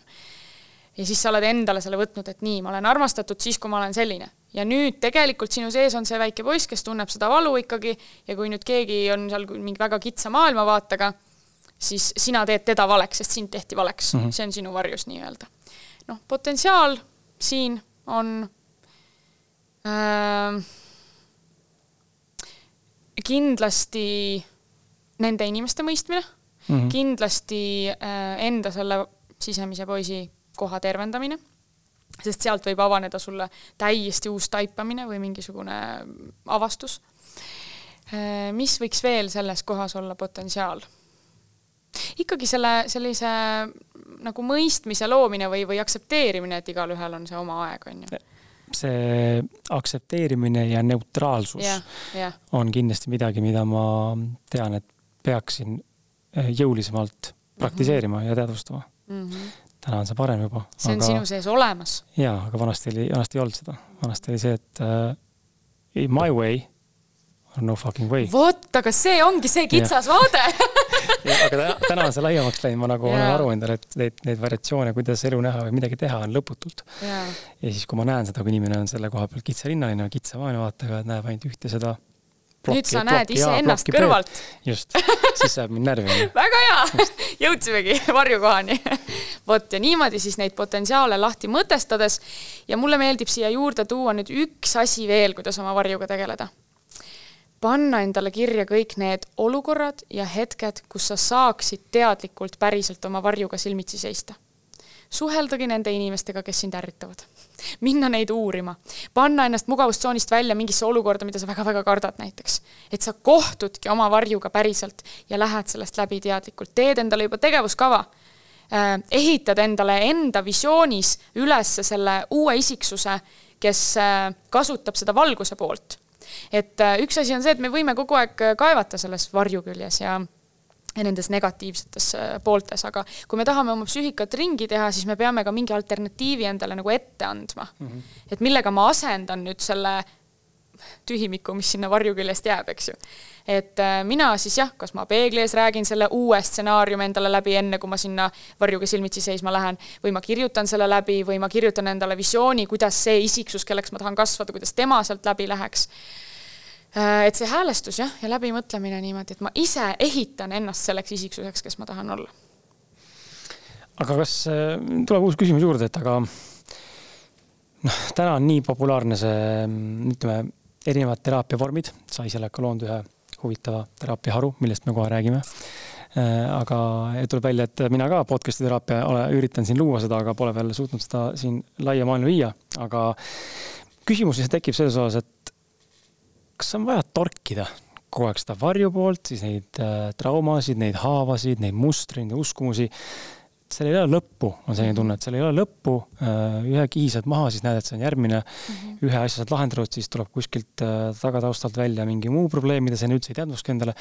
et kas üldse on mõtet torkida mm -hmm.? võib-olla me ise tegelikult torkides teeme asja ainult hullemaks, sest et see, kuhu sa oma tähelepanu suunad, see saab olla võimendatud. kui ma ei suunaks tähelepanu enda puudustele või enda probleemidest, neid probleeme äkki ei oleks. ma lihtsalt filosofeerin sinuga kaasa, et mhm. kas on vaja torkida ennast kogu aeg sellisel viisil, sest et ma usun, et sa tead ka inimesi, kes ütlevad ka sulle, et teraapia, kuule, lõpeta ära noh. ära käi pindas, ära torgi ennast noh, jäta rahule, see on minevik. las ta olla. Ja siis on need inimesed, kes kaevuvad sinna eelmistesse generatsioonidesse, põlvkondadesse ja võib-olla üldse kuskile eh, juba sinna astroloogia, Saturnid ja tähed ja Neptuunid ja asjad onju. et eh, on vaja torkida, mitte torkida. kusjuures mina väga palju, väga palju minevikuga tööd ei teegi, ainult nii palju, et luua seosed inimesele mm -hmm. ja siis me vaatame juba tulevikku. aga see selleks Ehm, eneseareng ja enesejuhtimine on eluviis. Ja, ja see on, see on selline harjumus, millega enda eest hoolitseda samamoodi nagu hambapesu või duši all käimine. see ei pea olema torkimine. Need inimesed, kes lähevad enesearenguga liiale ja hakkavad tõesti seal siis, mis metafoore kasutatakse, kaevama ja torkima, on ju, eh, nemad põgenevad millegi eest põgenevad tegeliku valu eest. Ehm, et ma arvan, et seda torkimist kui sellist, kui sa päriselt endaga teed tööd, siis ei, siis seda ei olegi. aga mis ma tahan öelda, on see, et äh, endaga tuleb tööd teha täpselt nii palju, et sul on he hea olla, et sul on endal hea. kui mingi rahulolematus kerkib, mingi probleem kerkib, vot siis lahenda seda. aga niisama, et oh, praegu on hullult hea olla, aga peaks nagu endaga tööd tegema. no ei, milleks tõesti et selles mõttes võimendama niimoodi ei pea, kuigi ma tean inimesi, kes kasutavad valu teadlikult mm -hmm. ja, ja kohe tahavadki ennast nagu sellesse raskesse tundesse viia, sest siis neil tuleb kas loomepuhang või tuleb mingi, mingi edasimineku tuhin peale, on ju. no see on okei okay., ise teavad, mis mängu mängivad, kuni see nende jaoks töötab, eks ju aga ma ise olen kusjuures selline olnud kunagi aga enam ma ei tee nii okei me võime sellest pärast rääkida see on väga huvitav, sest seal ma õppisin kõige rohkem oma varjukülje kohta ja üldse varjuküljega töötamise kohta. nii. Äh, aga see äh, igapäevane teadlik regulaarne enesejuhtimine, eneseteadvustamine, see ei ole torkimine. see on selleks, et ennast nagu hmm, jah, tõesti korras hoida, oma psüühikat värskendada ja korrastada, et sa oleksid äh, rahulolev, õnnelik, tasakaalus inimene jah, ja ma ütlen seda ka, et kui sa oled nagu sellise suurema töö endaga ära teinud, need suuremad traumad ja asjad nagu ära lahustanud, ega siis ei tule ka neid kõikumisi nii suuri enam. tulevad mm -hmm. mingid väiksed sellised väljakutsed, aga tulevadki ainult selle jaoks, et sind edasi viia, mitte enam selleks, et sa peaksid, ma ei tea, mida tegema, noh. Okei okay,, fine ehm, tuleme sinu äh, välja mõeldud, välja töötatud äh, teraapiaharu Polu teraapia juurde. Äh, räägi, milles see seisneb ja kuidas sa seda defineerid ja kuidas seda kasutada saab ja kas see on ainult äh, teraapiavorm, mida saab kasutada ainult sinu juures? ehk siis must visit and pay you to use it või on, või on see rakendatav ja kasutatav ka oma, omades nii-öelda tingimustes mm? Nii, ma ei nimetaks seda teraapiaharuks, sest see, mina ei ole meditsiinilise taustaga inimene Äh, ma nimetaks seda selliseks äh, praktiliseks enesearengu meetodiks. Äh, miks ta on teraapia, miks ma panin see polüteraapia, oli sellepärast, et minu jaoks teraapia ongi, ongi praktilised sammud enda enesetunde või, või, või siis kliendi soovitud tulemuste saavutamiseks. et äh, jah, nii, miks ta on polüteraapia, on sellepärast, et noh, see polü viitab, et on mitmus midagi, on ju. Äh, see meetod on äh, hästi paljude erinevate äh, teraapiliste või psühholoogiliste praktikate valdkondade nagu kogum või segu mitte, et ma oleks erinevatest äh, valdkondadest võtnud olemasolevaid praktikaid, vaid need praktikad, mille mina välja töötasin, esindavad erinevaid nagu meetodite valdkondi mm -hmm. siis. Äh, et seal on jah, tõesti kirjutamist, rännakuid, ma ei tea, vestluse meetodeid, küsimuse meetodeid, igasuguseid nagu erinevaid meetodeid. nii, see on selline praktika, mida saab teha äh, enesearengu coach'ina kellelegi teisele, sellisel juhul on seal hoopis teistsugused võtmed. ja samas saab inimene seda ka iseendale teha. sellepärast ma selle kolmanda raamatu kirjutasin ka, et seal on sellised meetodid, mida inimene saab ise teha iseendaga, eneseteraapia või, või enese äh, heaolu juhtimise võtmed. jah. samas noh, alati ei saa, eks ju, üksi läbi vahel on vaja seda ja. kedagi, kes peegeldab, kedagi, kes torgib või vajutab just seda õiget nuppu. aga, aga noh, minu elus ei ole seda kedagi olnud kõrval, kellega ma saan niimoodi peegelduda mm. -hmm. ja, ja ma tahtsin leida midagi sellist, et kui inimene on päriselt endaga aus, et siis ta, siis ta saab ennast aidata. siis need asjad töötavad ja sellepärast ma selle välja töötasingi me oleme Anna elukaaslasega täna, mitte täna, vaid üleüldse arutanud pidevalt seda, et coach'id oskavad jube hästi lahti haakida ja küsida õigeid küsimusi. ja mulle meeldib coach'i puhul, coach'ide sessiooni puhul meeldib mulle see, versus ütleme, niisugune klassikaline eh, perekonstellatsioon või muu teraapia, et coach'i sessiooni ajal vastused tulevad sinu seest mm. -hmm. teraapias väga tihti sulle öeldakse või mm -hmm. pannakse sõnu suhu, mitte alati, aga, aga üks levinumaid vorme ma olen näinud, et see niimoodi on, et sulle öeldakse, mida sina pead kordama toimuks integratsioon või nii-öelda ümber, ümberprogrammeerimine, aga mulle endale meeldib see, kui vastused tuleb minu enda seest. ja siis me oleme mõelnud elukaaslasega, et kurat, et kas oskaks küsida neid küsimusi endalt mm -hmm. teinekord, onju, et ei oska, et nii, tegelikult nii lihtne küsimus, nii loogiline, aga näed, ei oska ei endalt küsida ega ka elukaaslaselt küsida ja. sama küsimust, et tegelikult ei peakski kuskile kellegi juurde minema.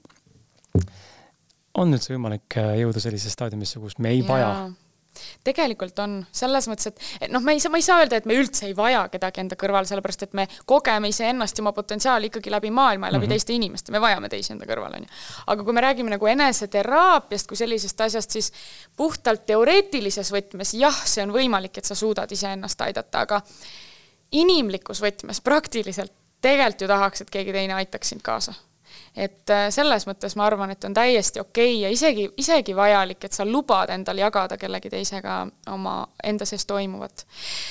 Äh, sa rääkisid küsimuste küsimisest. ja see on selline pikk teema, väga äge teema, ma väga soovitan, kutsu minu elukaaslane rääkima küsimustest, sest ta on meister küsimuste esitaja. ja samuti sa mainisid sabotööre, oi kui hästi ta oskab sabotööridest rääkida aga äh, ma tahtsin äh, küsimuste kohta öelda seda, et jällegi selles samas enesekasutusjuhendis on väga häid meisterküsimusi ka, mida inimene saab endalt küsida. aga need õiged küsimused tulevad seal peegli ees kui sa vaatad endale silma ja vestled endaga, nagu sa vestleksid ühe kõige kallima inimesega, keda sa tahad aidata siis tulevad need õiged küsimused mm., mida endalt küsida. jah. tipp. okei äh, sa tahtsid juua vahepeal, tee seda. aa, mul tuli nüüd meelde vahepeal, mis ma tahtsin öelda mm, -hmm. mul läks meelest ära. et sa mainisid coaching ut, mina olen ju tegelikult coaching ut õppinud mitu aastat väga heade juhendajate all ja see polüteraapia meetod, see ongi coaching'u raamistikule üles ehitatud mm, -hmm. aga sealjuures on veel sellised tehnikad ja praktikad, mis panevad inimest nagu äh, praktiliselt neid vastuseid ja lahendusi ise leidma, jah okay.. mina annan küll tööriistad ette, aga vastuseid mm -hmm. ma ette ei anna mm -hmm. okei okay,, tänan äh, selgitamast, loodan, et kuulaja, ma tõesti loodan, et kuulaja mm, konspekteerib kaasa. Äh, hea uudis on äh, kuulaja sulle see, et ma ise ka konspekteerisin välja siit tänasest saatest juba head mõtted, nii et need leiad küll just saate kirjelduses, kui see konspekteerida pole viitsinud aga tasub ise konspekteerida ka, sest et need, mis mina kirja panen, on need, mis mind äh, kõnetavad ja need ei pruugi sind kõnetada, kuigi tundub, et raamatu kontaktis enda põhjal, mille ma olen loonud, on see just hästi, üsna hästi õnnestunud, et inimesed ikkagi pigem kiidavad välja nopitud äh, neid lauseid.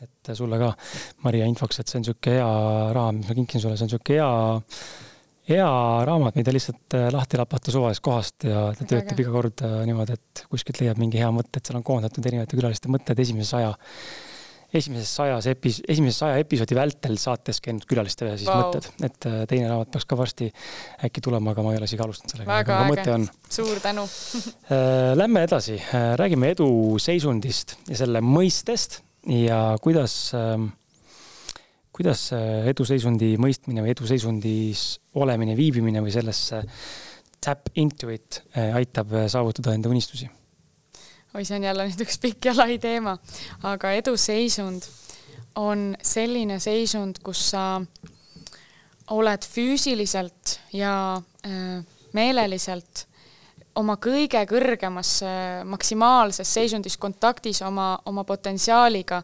selles seisundis, kus sportlased äh, saavutavad oma kõige paremaid tulemusi, näiteks. see on eduseisund.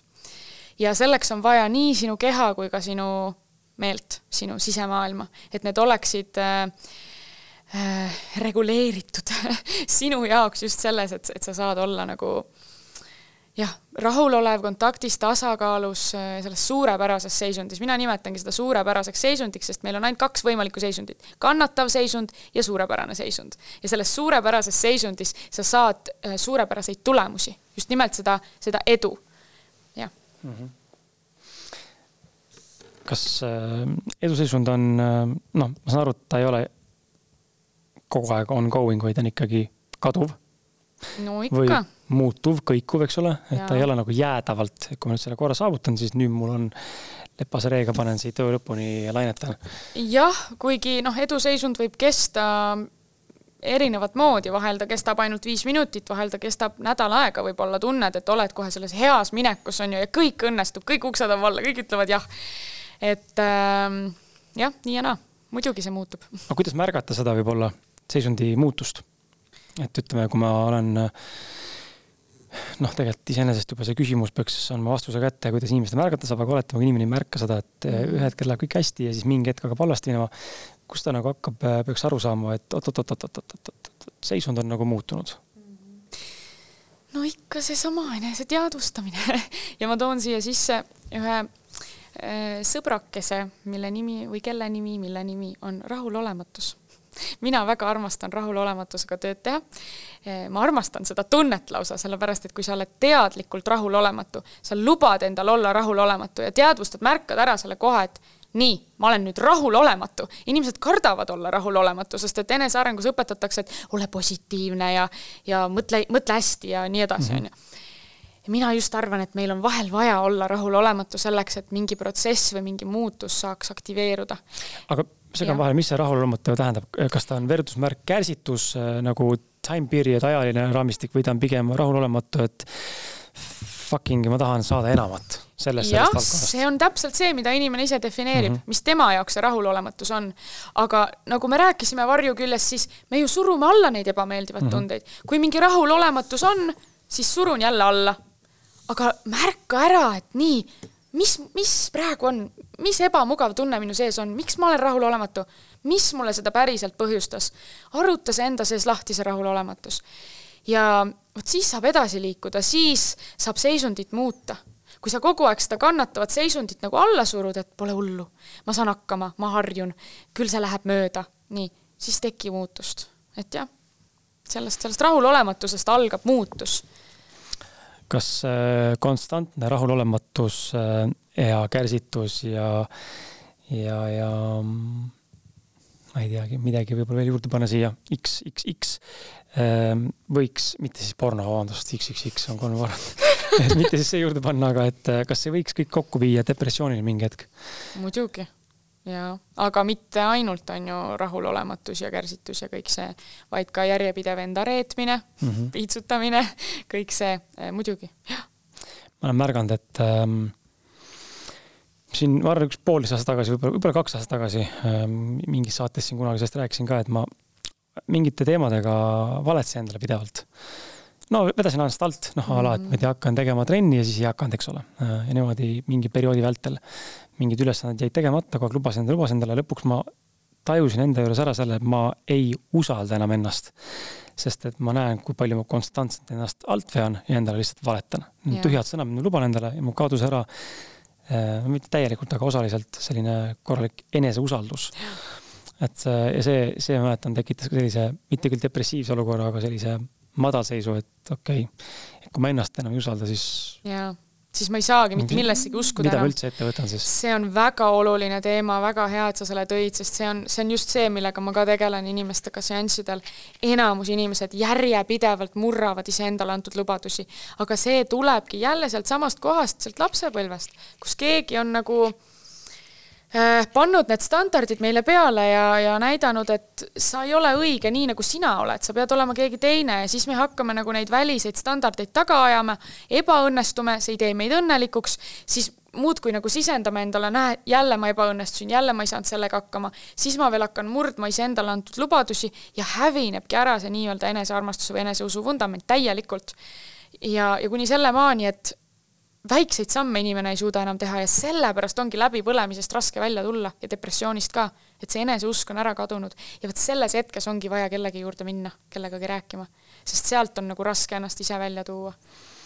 nii et äh, kui inimesel on äh, mm, depressioon, ma nüüd tegelikult tahaks küsida sinu käest, kuidas depressiooni defineerida või kuidas seda äh,, kuidas seda siis märgistada, sildistada, et ma saaksin päriselt aru, et mul on depressioon, sest mm väga tihti inimesed ütlevad, et ah, mul on deprekas mm. -hmm. aga kas see nagu päriselt on? et äh, omast kogemusest mul on äh, elus sihuke huvitav etapp praegu, ma arvan, viimased äh, võib-olla pool aastat äh,, aga viimased kaks kuud tugevamalt, kus ma tajun, et tahaks nagu öelda, et ma olen nagu depressioonis, aga samas ma ei ole nagu apaatne või, või kuidagi elutu või, või selline, et ja ma ei istu käed rüppes laua taga, ei, ei, ei nuta, eks ole, ma ikkagi üritan tegutseda. aga hästi selline laialivalgunud on kõik praegu see, mis ma oma igapäevaelus teen ja, ja suundasid, mida, mille vahel valida on noh, kümneid, eks ole, ja ei suuda otsustada. esimest korda elus tunnen, et ma ei suuda otsustada, mis suunas liikuda. väga palju uut on, väga palju on õppida, et neid samme siis mingis suunas teha.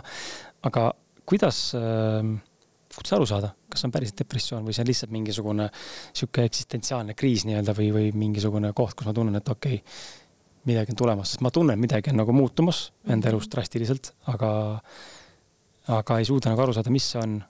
ja ütlesid ka huvitava lause, et, et selle depressiooni puhul peaks minema kellegi juurde kellegagi vestlema, eks ole, olgu siis coach või terapeut või psühholoog, aga kuidas aru saada, ma nüüd päriselt pean minema või mul on ikkagi mingi muu lahjem versioon ja ma pean lihtsalt aega andma jah, depressioon tõesti on selline salakaval tunne, mis avaldub väga erinevalt inimestes. Äh, ja ei pruugigi sellest aru saada, kui sul depressioon on ja ma ei soovita endale panna ise diagnoosi ja noh, ega päris täpselt ju psühholoogias ka ei ole aru saadud, et mis see depressioon ikkagi on. okei okay,, see on mingi ajukeemiline seisund, mis äh, tekitab teatud sümptomeid, nii füüsilisi kui ka emotsionaalseid inimestes, aga need sümptomid on nii erinevad igalühel. osadel ongi see huvipuudus, apaatsus, motivatsioonipuudus, elurõõmu puudus, mitte miski ei tee rõõmu äh,, igasugused toitumisega seotud anomaaliad, unega seotud probleemid, sõltuvused ja noh, see kõik käib kuidagi käsikäes depressioon võib tulla väga erinevatel põhjustel, võib olla leinast, võib olla haigusest, äh, elumuutustest, kolimisest, äh, noh, nüüd see võib ka vahel väga väike asi olla, mis tekitab depressiooni, oleneb, millises sellises emotsionaalses seisundis inimene praegu on või kui vastuvõtlik ta sellele depressioonile on. et väga keeruline on öelda Äh, mis see depressioon tegelikult on ja kuidas sa ikkagi sellest aru saad, et kas sa oled depressioonis. võib-olla ma vastan sellele niimoodi, et kui sa, kui sa pikemat aega tunned oma elus nagu sellist äh, lootusetuse tunnet ja jõuetust ja, ja sa ei leia kuidagi vastuseid enam ja, ja sa tahad juba ennast ka isoleerida teistest et see on ka väga oluline nagu märk, mis depressioonil on. et sa ei taha enam jagada endast või teistega jagada, eks ju.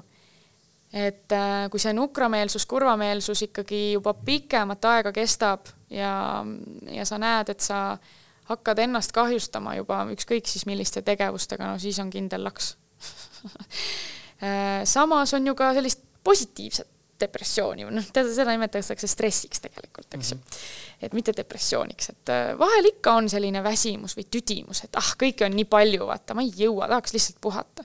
ja see läheb üle mingi hetk iseenesest. või siis näiteks on olnud lahkuminek ja ja tõesti ongi raske, aga, aga see ei tähenda, et sul on kohe depressioon. et tõesti võib-olla terapeudiga või kellegi praktikuga vestlus ja, ja praktikad aitaksid sind sellest välja suhteliselt kiiresti et, äh, et pigem mitte kergekäeliselt ennast sellesse panna, sest sõnad ju loovad ka seisundit, eks ju, ja kui sa ütled seda endale, siis noh, hakkadki toitma seda. see on üks asi, mida ma olen mõelnud ja märganud, et ähm, noh, mõnes mõttes olen endale teinud äh, karuteene sellega, ma siin aeg-ajalt podcast'is äh, nende aastate jooksul olen jaganud nii autentselt ja, ja haavatavalt enda asju, sest tegelikult samal ajal ma kinnitan endale ja kinnistan endale mingeid situatsioone. Õnneks ma olen teadlik sellest, teadvustan endale ja püüan aru saada sellega, et sellega tuleb tegeleda, aga teistpidi jah, ähm, see endale sisendamine. aga tuleme siis sisendamise, sisendamise vastu, vastasuse juurde või nagu lahenduse juurde, mis see siis lahendus oleks, et mitte nendele probleemidele mõelda, mitte tähelepanu anda ja mitte sellest rääkida. pigem mitte. sest siis ma hakkan ignoreerima ja eirama seda, ma tegelikult ei tegele sellega. sest depressioon samamoodi nagu läbipõlemine või stress, nad on kõik ju tagasiside keha poolt mm. -hmm. et midagi on vaja muuta ja see lahendus on ikka täpselt seesama. vaadata, võtta oma elu osadeks lahti, teadvustada, mis igas valdkonnas toimub, mis päriselt toimub, sest kui ma olen depressioonis või läbipõlemises, siis kõik need negatiivsed emotsioonid on võimendatud minu jaoks ja ma ei näe enam adekvaatset pilti. et see on ka põhjus, miks ei tohi ennast isoleerida. tuleb peegeldada, sest siis sa saad mingi välismaailma tagasiside, et mis tegelikult toimub, kuigi see pole ka alati adekvaatne, on ju. aga vähemalt see annab mingisuguse sisendi, mille kaudu sa saad nagu ennast uurida või enda elus toimuvat uurida. et äh, ära jäta ennast üksi ole endaga leebe kirjuta, kirjuta, kirjuta, kirjuta ja mine peegli ette. mul oli üks äh, naisterahvas, kes oli väga pikalt depressioonis ja tal käisid ka psühhoosihood. tal olid tohutud hirmud, ta julges ainult äh, õhtul pimedas käia õues, mitte valges, ta kartis valgust ka, tal oli väga-väga hull juba, eks ju, tegelikult võiks psühhiaatrilist sekkumist juba oodata, tal oli seal ka mingeid asju seal juba Äh, aga puhtalt selle peegliharjutuse ja kirjutamisega, sest ta päriselt pühendus sellesse. ta ei teinud seda mingi kohustusena, et oo, mingi pff, andis mulle siin ülesande, onju, mhm. vaid ta päriselt pühendus sellesse ja ta uuris iseennast ja ta tahtis sellest välja tulla, isegi kui tal oli raske. iga kord, kui tal oli raske, siis ta tegigi neid asju ja ta tuli väga ruttu sellest välja, ma mäletan, meil oli, see oli juba aastaid tagasi, meil oli üks äh, oligi vist esimene seanss ära olnud ja ma andsin talle ridamisi ülesandeid, sest tal oli valu nii suur juba, et ta ütles, anna mulle kõik, ma teen kõik ära. ja ta tegi ühe, võttis ühe nädalavahetuse endale. ta tegi kõiki neid asju, kirjutas ja, ja kõik, mul on erinevaid nagu kirjutamisharjutusi ja siis ta tuli tagasi, ta oli täiesti teistsugune inimene. muidugi siis me pidime töötama sellega, et see seisund ka jääks mm, -hmm. et ta tagasi ei kukuks, ikka tuleb neid tagasikukkumisi, see ongi tervenemise osa aga, aga see, et ta juba sai sealt välja üle aastate, see oli tema jaoks nii oluline, et tal tuli usk tagasi ja, ja noh, et vähemalt seda natukenegi jõudu tuli juba tagasi. Ehm, kui palju mängib rolli, ütleme, depressiivsuse või, või kuhjunud stressi või sellise ütleme, raskustunde all elamise juures enesearmastus? Ehm, ma tean, sa oled lauale potsatanud mulle siia ka armastustee iseendani. ma ei ole siia sisse viinud. teeme aga..., teeme korra nii, pane see korra kinni mm. -hmm. nii, ja nüüd võta suvalise koha pealt lahti nii, mis küsimus tuli? emotsioonide mõtete päevik. ai, kuule, sul on siis seda vaja teha, see täitsa lihtne tavaline asi, millest me mm. rääkisime juba teen aga ma pean päriselt ütlema, et see on see on äh, teema mm,, mida mul lõpuni raske mõista. ma arvan, et ma julgen väita, et ma ei armasta ennast. sada protsenti kindlasti mitte. noh, ma usun, et väga paljud inimesed tegelikult ei tee seda, isegi kui nad ütlevad seda endale. ja, ja see enesearmastuse teema äh,, too mingeid näiteid nagu, miks see võib-olla oluline on, sest minu jaoks on sihuke jälle intellektuaalselt, ma saan ju aru sellest mm, -hmm. et ennast tuleb armastada, ennast tuleb hoida, ennast tuleb austada äh, ja nii edasi aga samal ajal ma ei tee seda sellisel viisil, nagu justkui mm, õige või, või kasulik oleks. nii palju, kui inimesi kuulanud olen, kes siis sellega väga tugevalt tegelevad ja praktiseerivad seda. huvitav tegel..., sa naersid selles kohas. ja ma muigan, sest ma tahangi jõuda selleni, miks ma muigan.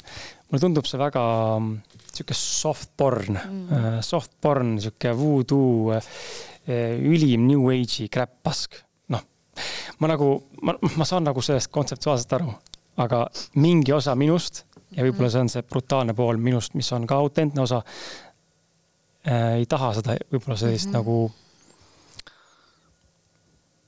pehmust või, või liiga sellist äh,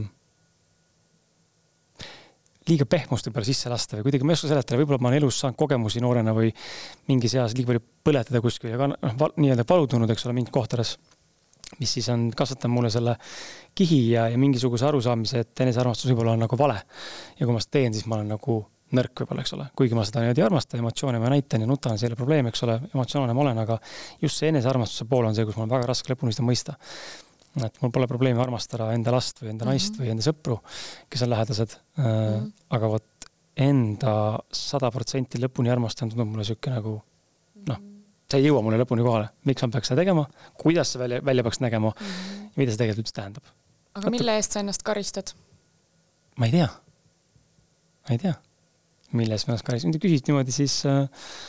ma annan ühe küsimuse või kaks küsimust veel mm. -hmm. esimene küsimus võib olla see, et miks sa ennast karistad, ehk siis miks sa ei luba endal ennast puhtalt tingimusteta vastu võtta mm. -hmm. teiseks, kas sa oled milleski süüdi iseenda ees kas sa kannad endaga mingit süütunnet, miks sina ei ole väärt enda lugupidamist? ma ei tea niimoodi, ähm, näiteid ei tule, aga, aga kindlasti on ähm, mingeid asju tehtud elus ja mingeid otsuseid ja valikuid, mis on, mille, mille üle ma tunnen täna äh, siiani. et äh, seal sa ikka olid ikka sita häda. noh, see oli vale mm. -hmm. kuigi ta on olnud nagu hädavajalik kogemus, aga kindlasti on, ma praegu tuleb umbes üks, kaks, kolm kohe mm, -hmm. kus ma tunnen, et fuck, sa niimoodi tegid, jah mm. -hmm. et jah, võib-olla. ja kolmas küsimus on see, et äh, mida sa kardad või mille eest sa ennast kaitsed, mis juhtub siis, kui sa lubad endale seda päris enesearmastust? vot äh, seda ma ei tea see on sama, see on, see on, see on ja mitte üldse halvustavalt mm -hmm. ega solvavalt, see on sama rumal küsimus jutumärkides, kui on see, mida coach'id küsivad, et aga, aga mõtle, miks sa teed endale niimoodi, mis see head on? miks sa hoiad ennast kinni selles? oh fuck, I know, noh, ma ei tea, miks, lihtsalt on niimoodi. see on jumala oluline küsimus tegelikult. ongi, ma saan aru sellest aga sa läksid närvi sest see koht, kus ma ei saa nagu aru, et äh, ma olen elukaaslasega rääkinud sellest ja, ja tegelikult äh, äh, veel inimestega arutan ka, et no aga ma ei tea, miks ma teen niimoodi mõnikord või miks üldse me endale teeme halba. siis me võime korra vaadata natukene seda, et äh, kuidas sinu ema või ah,, ei oot-oot-oot-oot, kas sa kasvasid isaga? Mm, ütleme kümnenda eluaastani koos ja siis mm -hmm. isaga.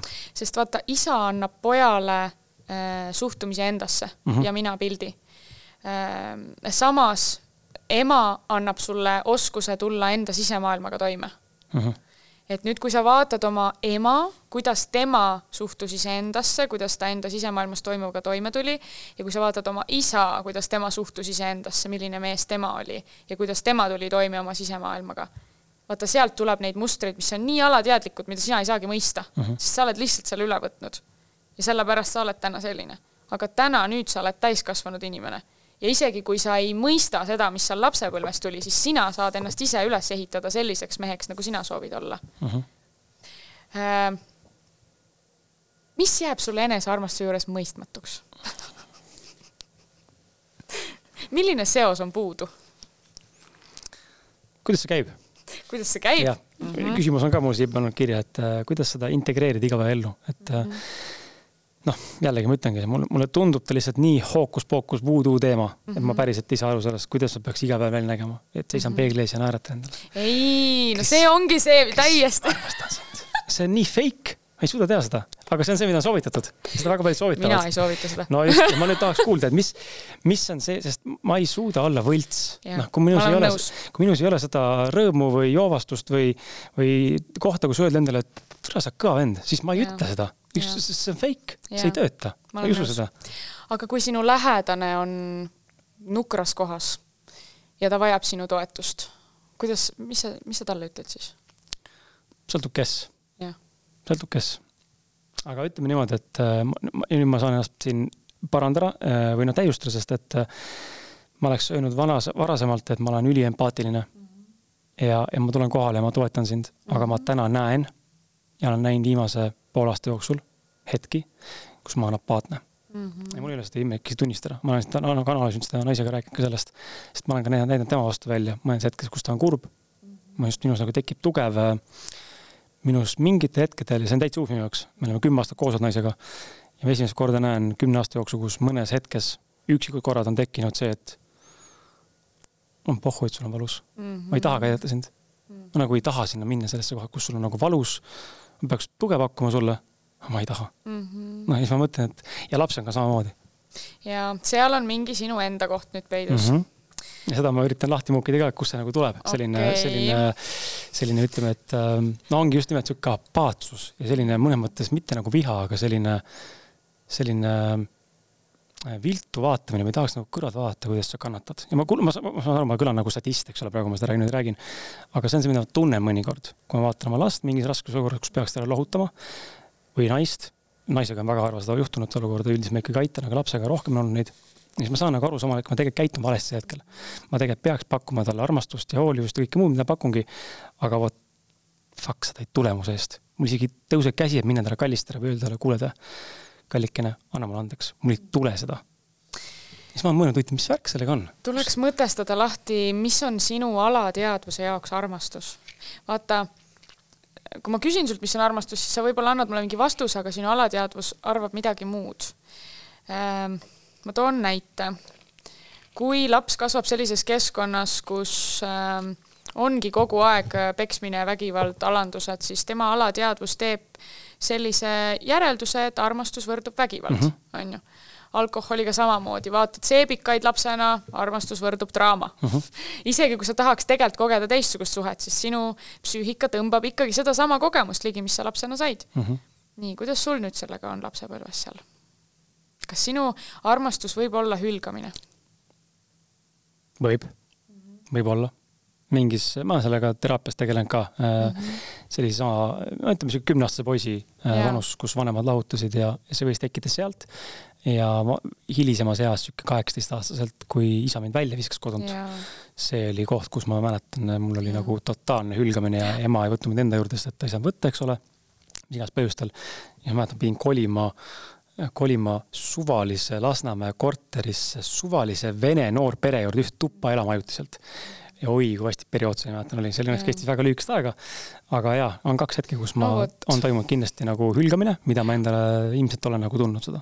ehk siis sa panid oma südames mingi ukse nii kõvasti kinni, et kui on vaja see uks lahti teha, siis sa ei julge seda ust lahti teha mm. -hmm. see ongi see ja sellel Nii. hetkel, kui sinu lähedane seda valu tunneb või, või lapsel on mingi teema, kus oleks vaja teda lohutada ja, ja minna selle empaatiaga, eks ju, siis sa ei suuda seda ust lahti teha enam, sest see mhm. sinu valu seal sees on nii suur. ja sellepärast sa ei suuda ka ennast armastada, sest sul on nii suur hirm armastada, sest äkki sa saad siis jälle haiget. aga see ei ole sa... alati, see on mingi, see on nagu võib-olla kümnel korral ühe korral, noh. jah, jah, vot siis peab neid olukordi uurima, et mis seal on sellist sarnast, et sinu sees midagi seal mm -hmm juhtub, mhm. on ju. aga äh, miks ma küsisin seda, et kuidas sa käitud lähedasega ja kuidas seda siis nagu enesearmastuse konteksti panna? mulle meeldib, et sa ütlesid see empaatia enesearmastus ongi tegelikult empaatia enda suunas, ka nendel hetkedel, kui sul on raske mm. -hmm. et mitte mõista ennast hukka ja sa ei pea ka olema võlts, et oo, kui kõva mees ma olen, vaid olegi ehe, jah, läks halvasti, aga ma mõistan ennast, minu kavatsus oli hea mm. -hmm. minu minevikus on näiteks, ma ilmselt kunagi räägin sellest avalikult ka, ma alles äh, küpsetan seda, kirjutan ka raamatu sellest, aga on üks väga-väga selline tume asi, mida ma ei suutnud endale andestada. vist täna vaikselt juba suudan. Äh, see on, see on sellepärast nii, et ma selleks, et saada armastust, ma tegin selliseid asju, mis oli väga-väga kohutav ja, ja ennast väga kahjustav mm. -hmm. Ja et sellest nagu läbi minna ja endale andestada ja jõuda ka selles aspektis enesearmastusse, siis mind aitaski see, et ma mõistsin ennast empaatiaga, et mis see minu kavatsus oli. et miks ma nii endale tegin, miks ma endaga lasin niimoodi teha, on ju. et, et ma ei ole selles süüdi, sest mina lihtsalt ju soovisin armastust mm. -hmm ja siis ma saangi tulla enesearmastusse, sest ma olen endaga empaatiline, samamoodi nagu ma oleks oma lähedasega või oma kliendiga. ma aitan tal ennast aktsepteerida selles valus. ja sa ei pea olema fake, enesearmastus ei ole fake. enesearmastus on lihtsalt enda vastu austus, lugupidamine, enda toetamine, enda teadvustamine, ehedus iseendaga. jah, empaatia iseendaga ma ei taha kasutada sõna kaastunne, sest see on mm. niisugune rõve sõna ja seda empaatiat on kindlasti ja. vähe, pigem on rohkem seda süüdistamist. seda märkan kindlasti läbi aastate. ja kui sa nüüd küsid, et kuidas seda nagu päriselt igapäevaselt äh, rakendada, siis äh, sinu puhul teadlikult äh, esiteks kirjalikult defineeri ära, mis on sinu jaoks üldse enesearmastus. loo endale kuvand sellest mehest, kes on äh, tasakaalukalt, ehedalt ennast armastav. Mhm. -huh. milline see mees üldse on? seleta see oma ajule ära, siis ta saab sellest aru. muidu ta ei oska seda rakendada. kui ma ei oska seda kirjeldada? võib-olla sul on mõni eeskuju, kes on sellega kontaktis? ei tule hetkel. Aga, aga võib-olla tekib. võib-olla tuleb, vaata ringi mhm. -huh. jah või mine peegli ette mine vaata Instagramist just nii, ühesõnaga, proovid selle visiooni kuidagi ära defineerida enda mm -hmm. jaoks, on ju, kuidas käitub üks mees, kes päriselt ennast armastab. ja siis äh, no mulle ikka meeldib kirjalikult ja niimoodi konkreetselt teha, et ma ei jätaks endale mingit abstraktset mulli õhku. teed endale konkreetsed tegevuskavad selle jaoks, et kuidas ma hakkan esiteks seda enesearmastuse vundamenti tugevdama enda sees läbi selle lubadused iseendale, on ju, annan endale väiksed lubadused, kas või see, et ma joon iga päev kaks liitrit vett ära, on ju. see on väike lubadus, aga kui ma seda teen, siis ma annan oma psüühikale selle, selle signaali, et jah, ma saan endale loota Mm -hmm. ja siis ma annan vaikselt neid suuremaid lubadusi, kuni lõpuks ma seisan suurte hirmudega silmitsi. ja kui nende suurte hirmudega silmitsi seismise käigus sa oled iseendal olemas, oled endaga empaatiline ja toetad ennast, vot siis sa hakkadki enesearmastust treenima endasse mm.. aga see on selline teadlik töö ja tõesti nõuab ehedust. aga mulle meeldib niimoodi teha, et ma teen reaalselt selle tegevuskava. või siis teine variant, et sa vaatad oma elus neid kohti, kus Äh, sul on enesearmastust raske praktiseerida ja siis sa hakkad teadlikult neid hetki äh, kõigepealt teed need hetked enda jaoks ringi, et mida sa peaksid nendes hetkedes tegema teisiti, et enesearmastust praktiseerida, äh, päris enesearmastust, ehedat.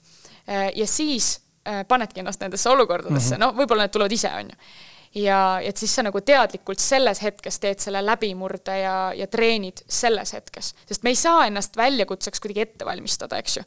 või tähendab, me ei saa läbimurret teha äh, enne, kui tuleb väljakutse uh. -huh, uh -huh. et mulle meeldib nii see ütlus, ma ei tea, kus ma seda kuulsin, võib-olla mõtlesin selle ise välja, võib-olla ei mõelnud ka ma ei mäleta enam, aga et me ei saa enne teadlikuks oma väest, kui me peame seda kasutama mm.. ja sellepärast mulle meeldib tööd teha nende väljakutsetega, et ma jah, ma valmistan ennast ette, ma häälestan ennast, aga siis ma ootan seda väljakutset. Ja siis ma treenin ennast selles väljakutses.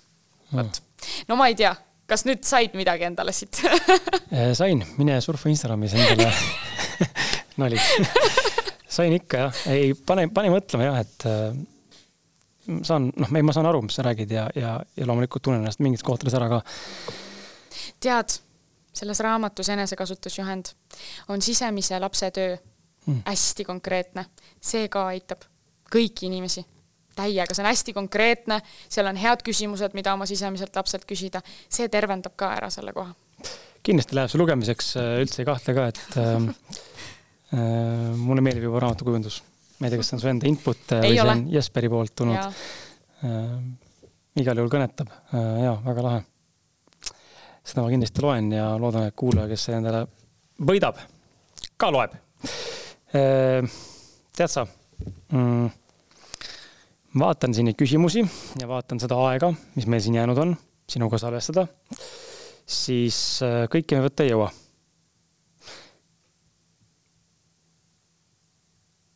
kas sul on äh, eelistusi, kas sa soovid rääkida paarisuhtest? Soovid sa rääkida potentsiaali avamisest või soovid sa rääkida, kuidas luua rohkem õnne tasakaalu? paarisuhtest ma räägiksin oma elukaaslasega koos. okei okay., see läheb meil küsimärgi alla järgmisesse saatesse võib-olla siis aga mm, no õnnest me oleme tegelikult juba rääkinud mm -hmm. päris palju, potentsiaalist ka nagu pooleldi. me võime seda potentsiaali teemat avardada natuke juurde. Avardame, sest et see on ka jälle, mulle nii meeldib, kui inimesed ütlevad alati, et ava enda täispotentsiaal mm. natuke juba kõlab siis on alati see küsimus, ka minul on see küsimus, ma saan jälle aru sellest ja ma tean, mis see, ma kujutan ette, mis tähendada võib, aga ma tean, väga paljudel inimestel on küsimus, aga mida perset see tegelikult tähendab? Kus ma fucking tean, mis mu täispotentsiaal on ja millal ma sinna jõudnud olen? ja kas ma üldse jõuan sinna potentsiaalini, et võib-olla see, et noh, täispotentsiaali karikas, et see nagu kogu aeg kasvab ja läheb eest ära, et ma jõuan järgmisele platoole ja nüüd mul on jälle jupike minna, sest et nüüd ma kasvasin ja mul tekkis uus kasvuläve koht et potentsiaal on jälle kaugemal. kas seda potentsiaali üldse on võimalik üldse püüda sellisel viisil või jõuda staadiumisse, kus ma nüüd olen täna templiga saavutanud täispotentsiaali? aga võib-olla, võib-olla potentsiaal on lihtsalt järjepidev enese täiustamine sellel rajal, milles sa oled tõeliselt õnnelik ja see kõlab juba paremini ja arusaadavamalt, sest et minu jaoks ja ma kujutan ette paljude jaoks, kui mul see mõte on, siis on ilmselt kellegi veel see mõte. see täispotentsiaali avamine või mitteavamine või, või selle saavutamine, mittesaavutamine on minu meelest äh, teinekord ka väga halba tunnet tekitav.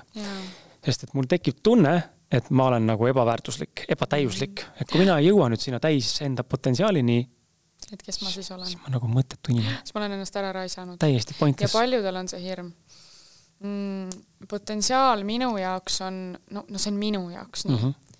see on eneseteostus, mis teeb mind õnnelikuks ja millega ma saan luua väärtust ja ma arvan, et tegelikult seda ihkavad teised inimesed ka. teha ennast õnnelikuks ja teha teisi õnnelikuks. Äh, ja, ja siis tuleb lihtsalt leida see sinu unikaalne talent, oskus, vägi, energia, elujõud, mida sina siia maailma tood. Ja potentsiaal võib avalduda ka läbi lapsevanemaks olemise. Et sa oledki lihtsalt nii suurepärane lapsevanem ja, ja sulle meeldib neid teadmisi ka veel ammutada selles valdkonnas ja, ja teistele ka veel anda, on ju. Why not, on ju. Aga kas teiste lammine on alati võrrandi sees olemas või peab olema? Või võib-olla see ka, et ma jõuangi täispotentsiaali läbi selle, ma arendan ennast valdkonna tippu ja ma ei jaga seda mitte kellegi teisega?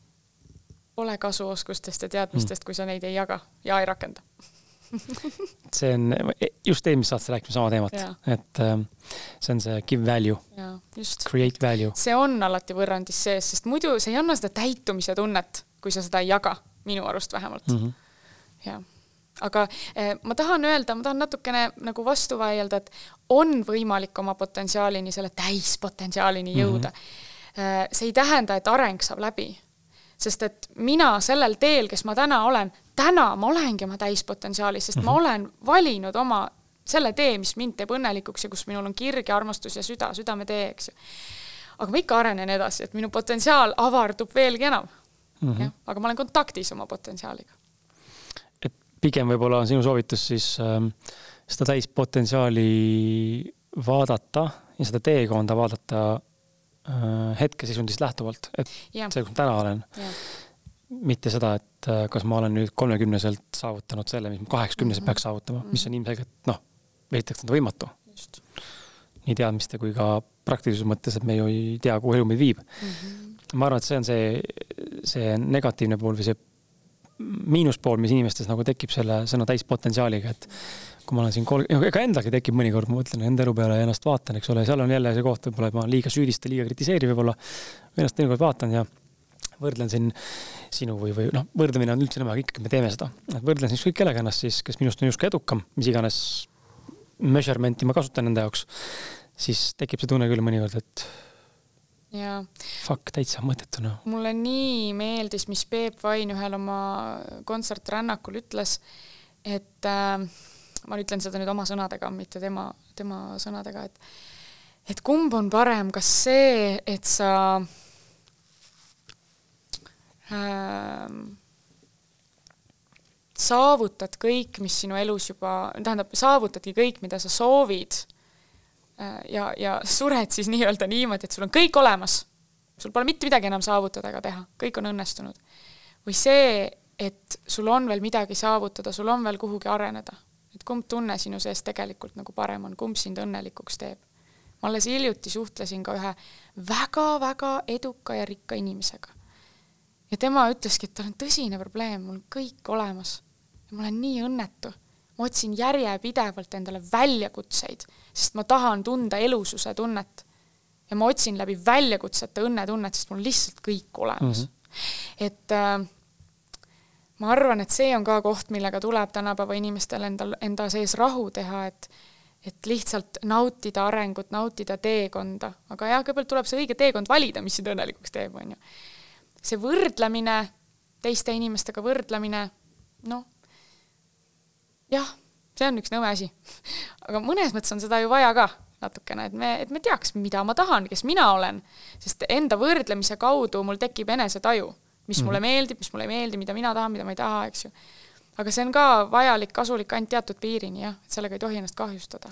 või ma avastan võrdlemise käigus, et äh, see asi, kuhu ma olen panustanud või tahan panustada, see tegelikult ikka ei ole mulle, sest ma näen, et ma ei jõua sinna, mul ei ole see nagu nagu loomulik. jah, jah, et see pole sinu tee. see, see ei tule mul nii hästi, see tuleb sihuke läbi forsseerimise ja. jõu, temal tuleb lihtsalt kulgeb ja, ja voolab, eks ole. seda ma olen ka nagu enda puhul rakendanud, ma teinekord võrdluse käigus avastan, et not worth it lihtsalt, see ei ole seda väärt. ma ei jõua elu sees sinna, kus tema nagu on, kui ma tahan olla sellisel tasemel, siis ma näen ja ma, no ma toon näite lihtsalt sulle, saaksid aru. mängisin kunagi käsipalli, äh, peaaegu profi tasemele jõudsin. ja siis ma mingi hetk sain aru, et mm, mm -hmm isegi kui ma treeniksin kaks korda päevas, viis korda nädalas, ma ei jõuaks sinna, kus on need poisid, kes täna treenivad seal, mängivad profiliigas ja meistriliigas. ma arvan seda, ma usun sellesse, et tegelikult on kõik võimalik. õige mindset'iga, õige strateegiaga ükskõik, mis eeldused sulle on antud, tegelikult on kõik võimalik. aga tõesti, nagu sa ise ütlesid, et kas see pingutus on tegelikult see, mida sa tahad, on ju. kas see lõppkokkuvõttes teeb sind õnnelikuks, et mis selle hind nagu on, on ju jah, mis selle hind on, noh, et kui sina hakkaks täna treenima siin Ronaldo käe all, et saada järgmiseks Ronaldoks, noh ilmselt ei saa. No ei saa. mina arvan, et ilmselt ei saaks. väga ma tahaks. no võib-olla tõesti, aga mina lihtsalt tunnen, et elus, no ei, tal on see nii, noh, tal tuleb see lihtsalt välja, ta, see on ta sees mm. -hmm. minus ei ole sellist liikumist täna veel sellise viisi sees, ma pean seda õppima hakkama, väga ja, mõistusest ja. nagu lähtuvalt tegema hakkama. et noh, see kas on või ei ole ja, ja siis saab seda võimendada, võimendada, arendada kuule, paneme otsa kinni. üks nelikümmend kaks on meil vesteldud. Eh, kas see on eh, pikim podcast sul? Vist küll. väga hea, väga hea, tiitel minu.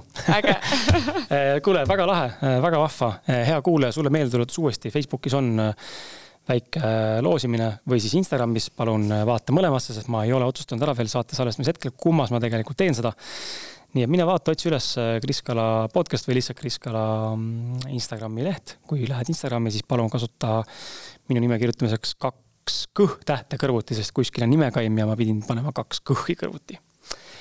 Otsi üles postitus, võta osa ja, ja saad äh, ühe kihvti raamatu, mida lugeda. ja ta oleks uus kuulaja, ega ma muud ei palugi ja mina, Maria, tänan sind. ma olen väga tänulik sulle ka väga vahva oli. oli. väga palju häid mõtteid ja, ja, ja loodan, et äh, ka sulle siit, sulle, Maria, ma mõtlen, tuleb siit äh, äkki, äkki kuulad järgi saadet. äkki tuleb midagi head endaga. kindlasti, kindlasti. aga jaa, aitäh sulle veel kord tulemast. suur tänu. järgmiste vestlusteni ja aitäh sulle, kuulajad, sa olid meiega tund nelikümmend viis peaaegu siin lõpuni ja, ja ega muud ei olegi. järgmiste episoodideni, tšau-tšau